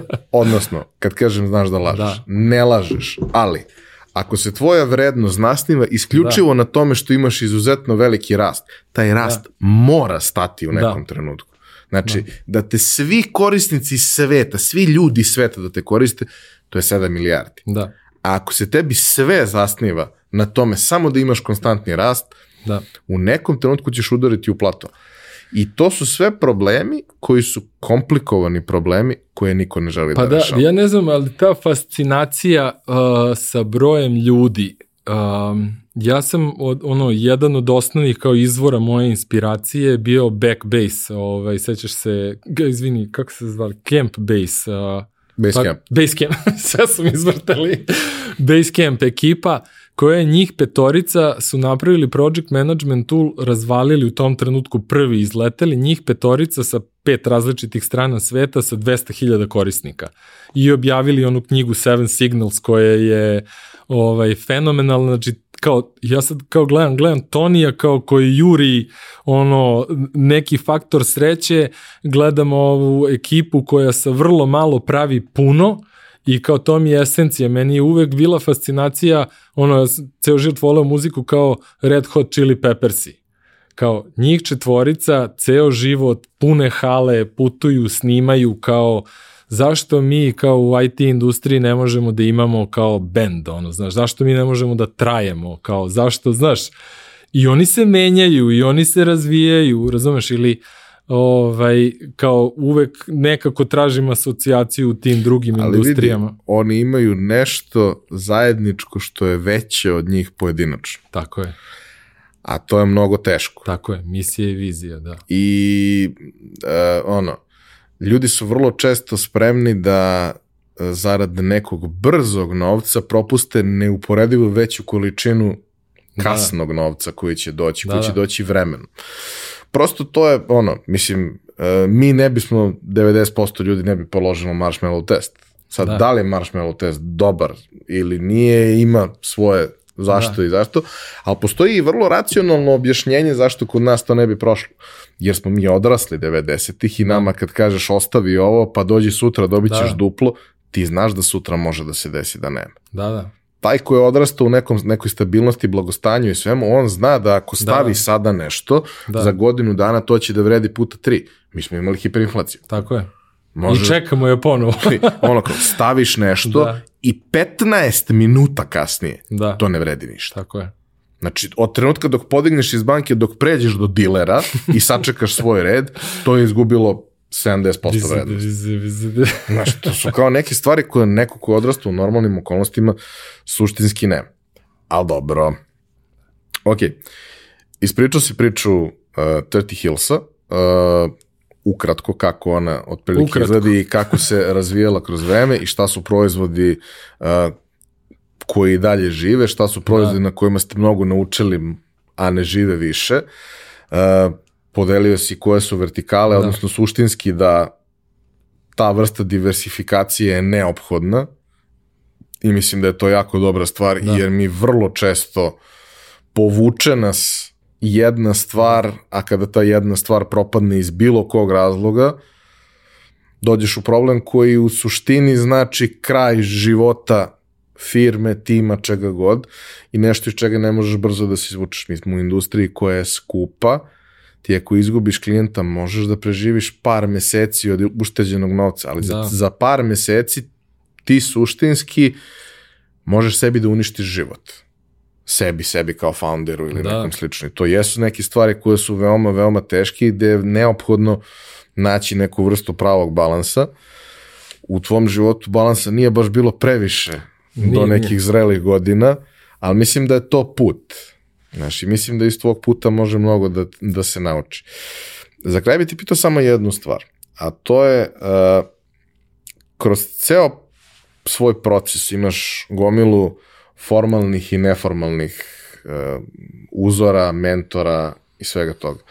Ako bi morao da izdvojiš neko koga nisi pominjao, znači pomenuo si nekoliko osoba i mislim da je to vrlo značajno, ali ako bi morao da pomeneš još nekoga koga nisi, ako te je stvarno značio u prethodnih 20 godina, ko ti ono otvorio neku zatvorenu čakru, ko bi to bio i kad?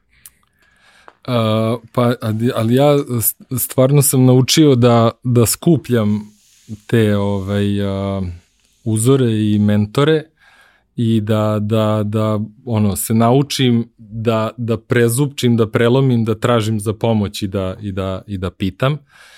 I, I sad onako kroz život su me pratili, znači prva ova profesorka moja na fakultetu, ta Susan Bonzi koja je ovaj koja me otključala ono kao u tom smeru kao kreni ovaj a, putem IT-a, pa mi pružila tu prvu šansu gde sam onda bio i asistent kod nje, pa onda treneri koji su me pratili, pa mi onda ovaj ključna stvar bila kad sam došao, kad sam krenuo u to preduzetništvo, stvarno me bilo ono veliki strah sam od svega toga imao i, i, i još, još drugo kao kako ćemo kao mi kao bračni par da radimo i da vodimo firmu.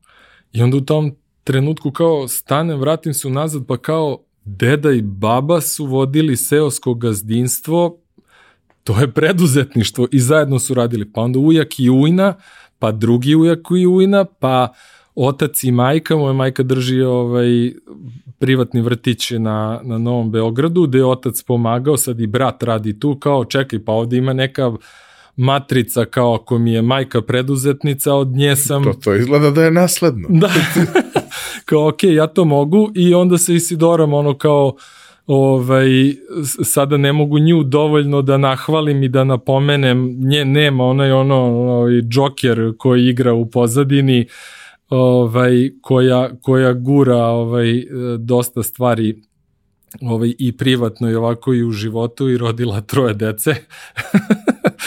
ovaj, uh, uh, I love you baby girl. ovaj, e, onda uh, prvi koga sam ovde naleteo, koji mi je stvarno puno pomogao, je ovaj Boris Vujačić od ovih domaćih superstarova, koji je bio do skoro sada suvlasnik Trizme i još nekoliko ovih drugih. Znači on mi je onako prvu šansu pružio neki prvi projekat, odmah smo radili za jednu veliku publishing kuću i on me povukao da budem kao konsultant. I onda sa njim idem na te neke velike ovaj, a, važne stvari, njega ne smem da, da, da gnjavim sa ovim sitnim detaljima, znaš, kao tu, tu, tu, kao, nego jednostavno kao levo ili desno, gde ćemo sad, on mi onako setuje parametar, ono, znaš, kao gde da, gde da gađam. Jer ja kad sam došao kao, e, ja želim da imam kao platu, kao firma da zarađuje kao u Americi, on kao, aj malo, kao, možeš ti to bolje, znaš, je kao, ja, ja to mogu bolje, kao, znaš, pa onda kao, e, da vidiš malo kad radiš sa kao ovim velikim konsultantskim kućama, kao, pa ja sad kao Price, EY, pravimo saradnju s njima, zajedničke prakse, pravimo zajedno alate, ovo ono, kao Boris dođe kao, pa da, ali ipak bi trebao malo da gledaš kao BCG, ja ono tri godine kopam, rudarim da dođem da bi mi potpisali uh, ugovor o saradnji sa Boston Consulting Grupom. Znaš šta to znači da se zaposliš u BCG-u, a kamoli da dovedeš firmu, mali studiju iz Beograda da radi za BCG i da te preporuče BCG iz LA-a i Berlina. Ali bukvalno se to ne bi desilo da me on nije ono kao point, kao gledaju u ovom pravcu. I evo sad smo zajedno uh, na ovom najnovijem startupu Grinds, ovaj, ko investiramo i guramo tu priču, jako će mi biti zadovoljstvo da radim sa njim.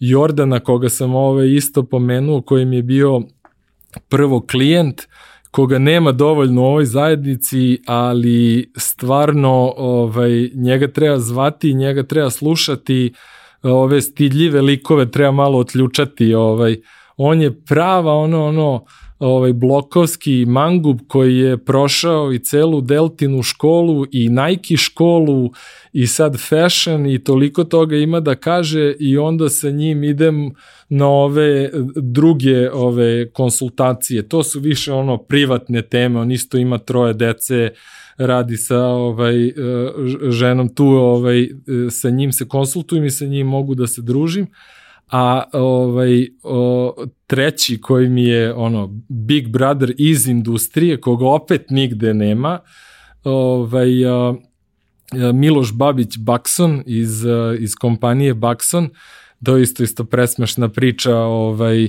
mi smo bili u, u skratiću maksimum, smo bili u Rovinju sa dvoje dece leto i Sidora doji bebu, neki lik na svo vreme gleda garav crno, onako, ovaj, kao, znaš, ja ono poludeo već više, kao, hoću da idem kući, svako ko je bio na odmoru sa decom znao o čemu pričam, ovaj, preselo mi sve, ono, znaš, klijenti zovu, ja ne znam, i neki klijent, on, neki tip hoće priča nešto sa mnom, i ja ono, kao, sad ću da ga udavim, znači, ono, i kao okrenem se i kažem, ovaj, dobro, šta hoćeš? I tip kreće da priča, sedam godina moj život unapred, žive u Londonu, upoznao ženu, došao u Srbiju, otvori IT firmu, ima tri sina, sin mu se zove Luka, trenira plivanje, ono, znaš, sve do toga da, me, da bi me Miloš na kraju ubacio da radim za ticketmaster.com, mi smo radili razvoj ovih mobilnih aplikacija za Evropu i Australiju, znači dao mi je svog jedinog klijenta, ko to radi, ono, ko je to ikada uradio, Znači, kakav je to faca, kakav je to čovek i to se prijateljstvo razvija i onda sa njim uvek mogu ono ovaj da, da, da gađam i, naku, i ovog Nikolu Ćosića sam pomenuo iz CP Development, oni su bili Ćosić Prelovac, ova ekipa pre nego što je Prelac napravio Manage WordPress. Moja isto ova taš ekipa, sa njim je ono, on to imao onoj bratski odnos, iste firme, sedeli smo dugo zajedno i onda šta ćemo, šta ćemo, šta ćemo, šta ćemo, znaš, ovaj, Tako da mi je to ono support grup. Anonimni alkoholičar. Anonimni alkoholičar. Ali mislim, fascinantno je da imaš, uh, dobro, nije ekskluzivni kriterijum, ali jeste kriterijum da moraju da imaju troje dece. A nije to se tako provlači, ali, ali mislim, gledaj, to je sad čitava filozofija oko toga. Uh, nismo pričali o tome, ono, mentalno zdravlje, porodičan život, mene je dosta to roditeljstvo puklo, uh, ja sam u prethodnom periodu ono divljao, skakao, bavio se ekstremnim sportovima, polomio sam sve što ima da se polomi, uh, ruke i noge i ono, ali kad sam postao otac, onda me to na neki način profilisalo i ti sad uh, opet jako, jako malo se priča o tome, aj ti budi dobar tata i budi uspešan preduzetnik i nemoj da imaš ekstremne sportove i gde da izbaciš frustraciju da, da, da, i stres. Da, ali moguće je. Zato ja gledam u te primere ovaj, u lokalu. Znači ja sam uvek ono lokal patriota, ovaj, malo me puca to. Ovaj, uh, Ivan Bevc koji je ono preduzetnik i sjajan tata. Roki koji je ima fenomenalnu lepu decu. Bane iz Mesare Morava koji opet ima. Znači to su sve uh, ovaj, veliki šmekeri sa taša koji su jako dobre tate i posvećeni svojim porodicama i na šmekerski način razvijaju svoje biznise. A njih nigde nema kad mi pričamo ono u IT-u, kod nas ono, daj, rasti, rasti, daj, ljudi, guraj, outsourcing. Mi smo se sad ono svi pretvorili, ja ne znam u šta se ova industrija pretvara, u neke HR agencije koji ono, znaš, nisu odgovorni za ljude, zapošljavaju sa, ne znam, ono, ovaj, ni ja se, ono, već više, ono, sve što više znam, sve manje shvatam da sve manje znam i da se stvari sve brže menjaju, tako da, ono, držim neki svoj fokus i tražim neke, ono, ovaj, idole malo drugačije sebi, ovaj. Đorđe, hvala ti. Drago mi je da smo ispričali drugi deo ove priče moram da priznam da je zanimljiviji od prvoga, prvi je prilično zanimljiv. Ove, ovaj, znao sam da će to da bude tako, ali kao, znaš, ove, ovaj, drago mi je da smo ga ispričali, drago mi je e, i nadam se da e, drago mi je da si ti prošao sve ove stvari relativno neoštećeno i da si ih sada ispričao i da možda neće morati baš svi da ih prođu sada, da. nego da će naučiti nešto iz tvog primera. Ovaj, uh, puno sreće dalje sa 30 Hillsom i sa akademijom i sa projektima na kojima budete ovaj, radili i za klijente interno. Uh, vama puno hvala na pažnji, nadam se da vam je bilo interesantno. To bi bilo to za, za ovu nedelju. Izvinite što smo opet preterali, opet smo otišli. A dobro. Mislim, U seriju.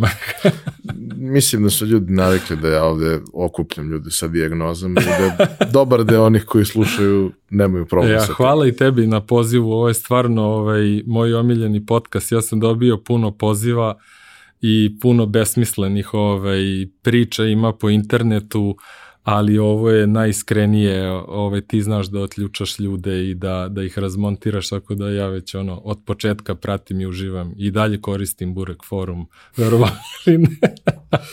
Vidi, uh, ja vas samo pustim. Da. Dok vam drugi postavljaju pitanje, ja vas samo pustim. Hvala, Đole. Hvala. Hvala ljudi što ste nas slušali. To bi bilo to. Čujemo se i vidimo ponovo naredne nedelje.